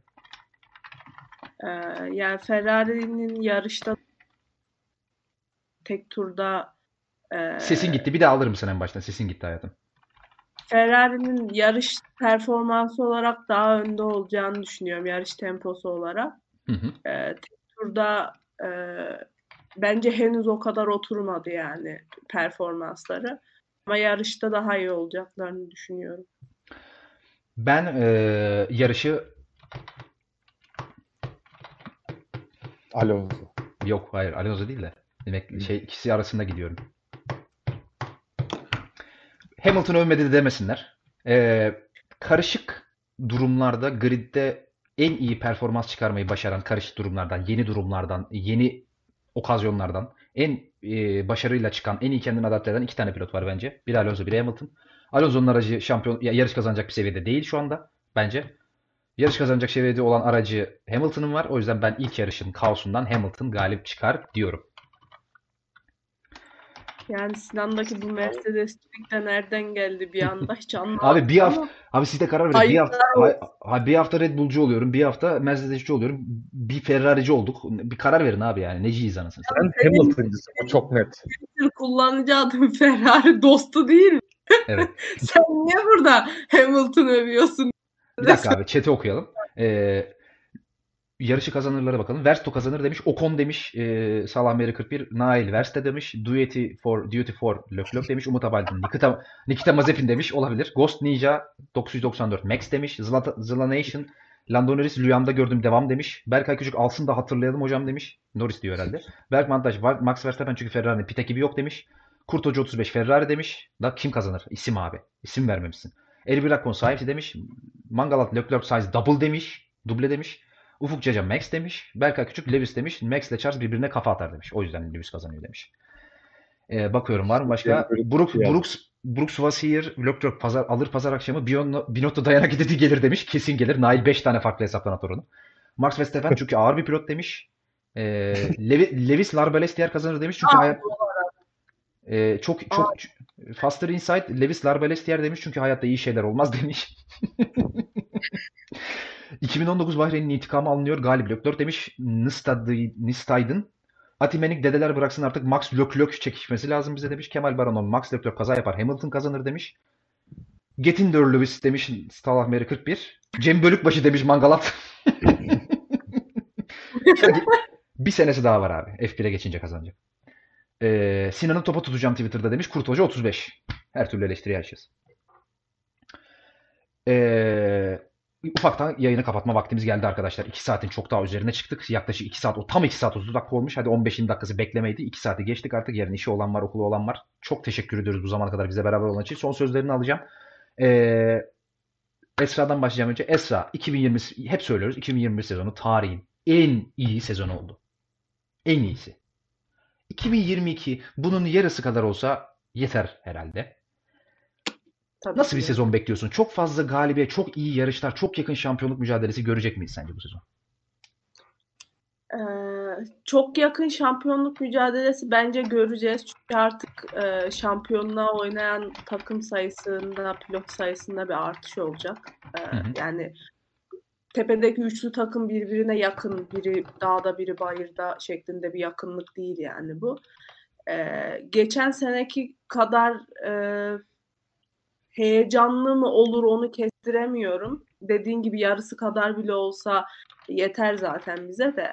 Ama özellikle sezonun başında bol kaotik e, bir sezon başlangıcı bekliyorum. Çünkü çok fazla problemleri var. Araçların, takımların henüz çözemediği ya da e, yarı yarıya çözdüğü, bir kısmı zar ettiği vesaire çok problem var. E, o açıdan daha kaotik bir sezon başlangıcı bekliyorum. Bol kazalı, bol spinli bir başlan sezonun ilk yarısı bekliyor sonra. Koraycığım, taşmalar vesaire. evet Koraycığım senin de tahminlerini alalım. Şampiyonluk mücadelesi görür müyüz? 2021'in kalitesine yaklaşabilir miyiz? Bol kaos, bol spin, bol kaza olur mu? Ne düşünüyorsun?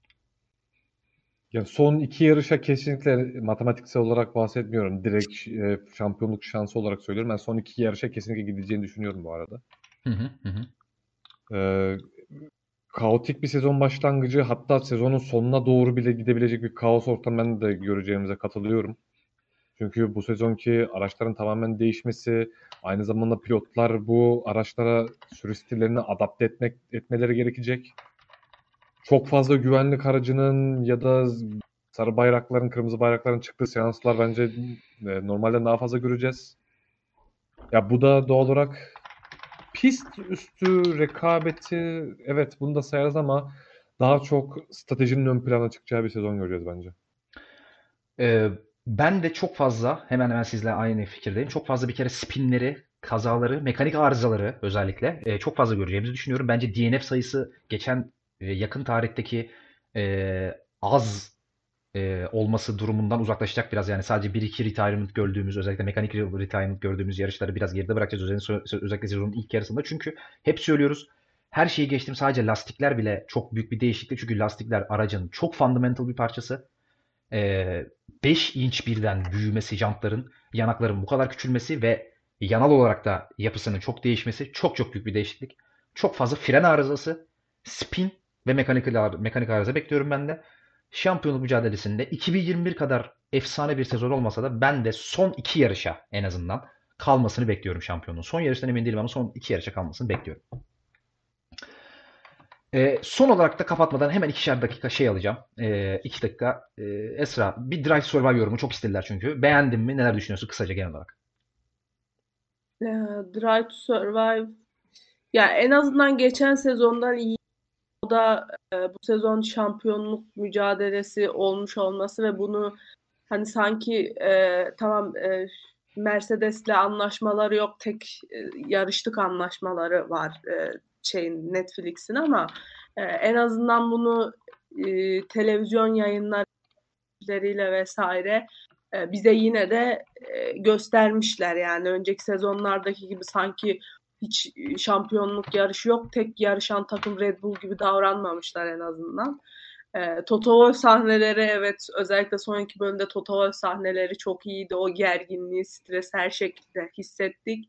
Onun dışında iki tane McLaren bölümü vardı. Birbirinden saçma. Neden iki tane McLaren bölümü izledik hiç bilmiyorum. E, Haas bölümü e, fena değildi. Özellikle e, Baba Mazepin'in e, Haas'ı sürekli paranızı keserim tehditleriyle e, istediğini yapmaya zorlaması vesaire.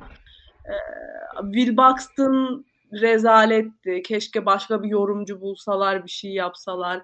E, Jenny Go muydu o kadının adı şu an hatırlamıyorum ama onu e, çok koymuşlardı aralara. Bu sene onu bayağı azaltmışlar. Geçen bir şey yapmıyordu ama bu kadar az ve bu kadar gereksiz de hiç olmamış yani. Komple çıkarsalar daha iyi. E, Suzy Wolf'ün e, ne sıfatla orada olduğunu hala anlamış değilim. Title'ı e, Formula E bilmem bir şey bilmem bir şey takım patronu şeklinde ama Formula E takım patronu sıfatıyla e, Formula 1 e, belgeseli Drive to Survive'da ne işi vardı ve e, Christian Horner'ın karısı Horner'ın karısı diye geçiyorken neden Suzy Wolf bu title'la geçiyordu. Öyle saçmalıkları vardı bu şekilde. Koraycığım senin de yorumlarını alalım kısaca. DTS ile ilgili. Ben yeni sezonu bulmadım. Çünkü izlemedim. Tamam, çok güzel. E, bu gördüğün spoiler'ı yedin ama burası son kapanış sahnesi e, bölümü. Herkes götünü kollasın demiş kısaca Fotover. Ben de kısaca yorumlarımı söyleyeyim. Ben ilk defa Drive Survive izledim. Bunu hep söylüyorum biliyorsunuz ben Drive Survive izlemiyorum. Çünkü bana yapılmış bir belgesel değil. Çok başarılı. Amacına müthiş ulaşmış bir belgesel. Podcast'te anlatmıştık. F1 yayıncılığında e, ki izleyici sayısındaki artıştan ne kadar etkisi olduğunu yapılan anketlerde. Çok ciddi bir başarı. Çok büyük bir belgesel ve gene 4 milyondan fazla insan izlemiş ilk hafta. Müthiş bir iş. Sırf bu sene son iki yarıştaki arka planı izlemek için oturdum izledim. Yani yarışın yarışta gördüklerimizden çok az fazla yani çok az ekstra şey gördüm. O yüzden hayal kırıklığına uğradım. Ne yalan söyleyeyim. Ben özellikle Abu Dhabi'den çok daha fazla materyal çıkarmalarını bekliyordum. Benim beklediğim kadar çıkaramamışlar. Benim de yorumlarım bu şekilde. Ama o gerginliği hakikaten çok iyi vermiş. Ona bak ya zaten bu fotoğrafı Twitter'dan da paylaştım. Bayağı iyiydi. Bu sahne çok iyiydi yani. Son kapanışı bayağı iyiydi. Şunu da ekleyeyim bu sahne üzerinden.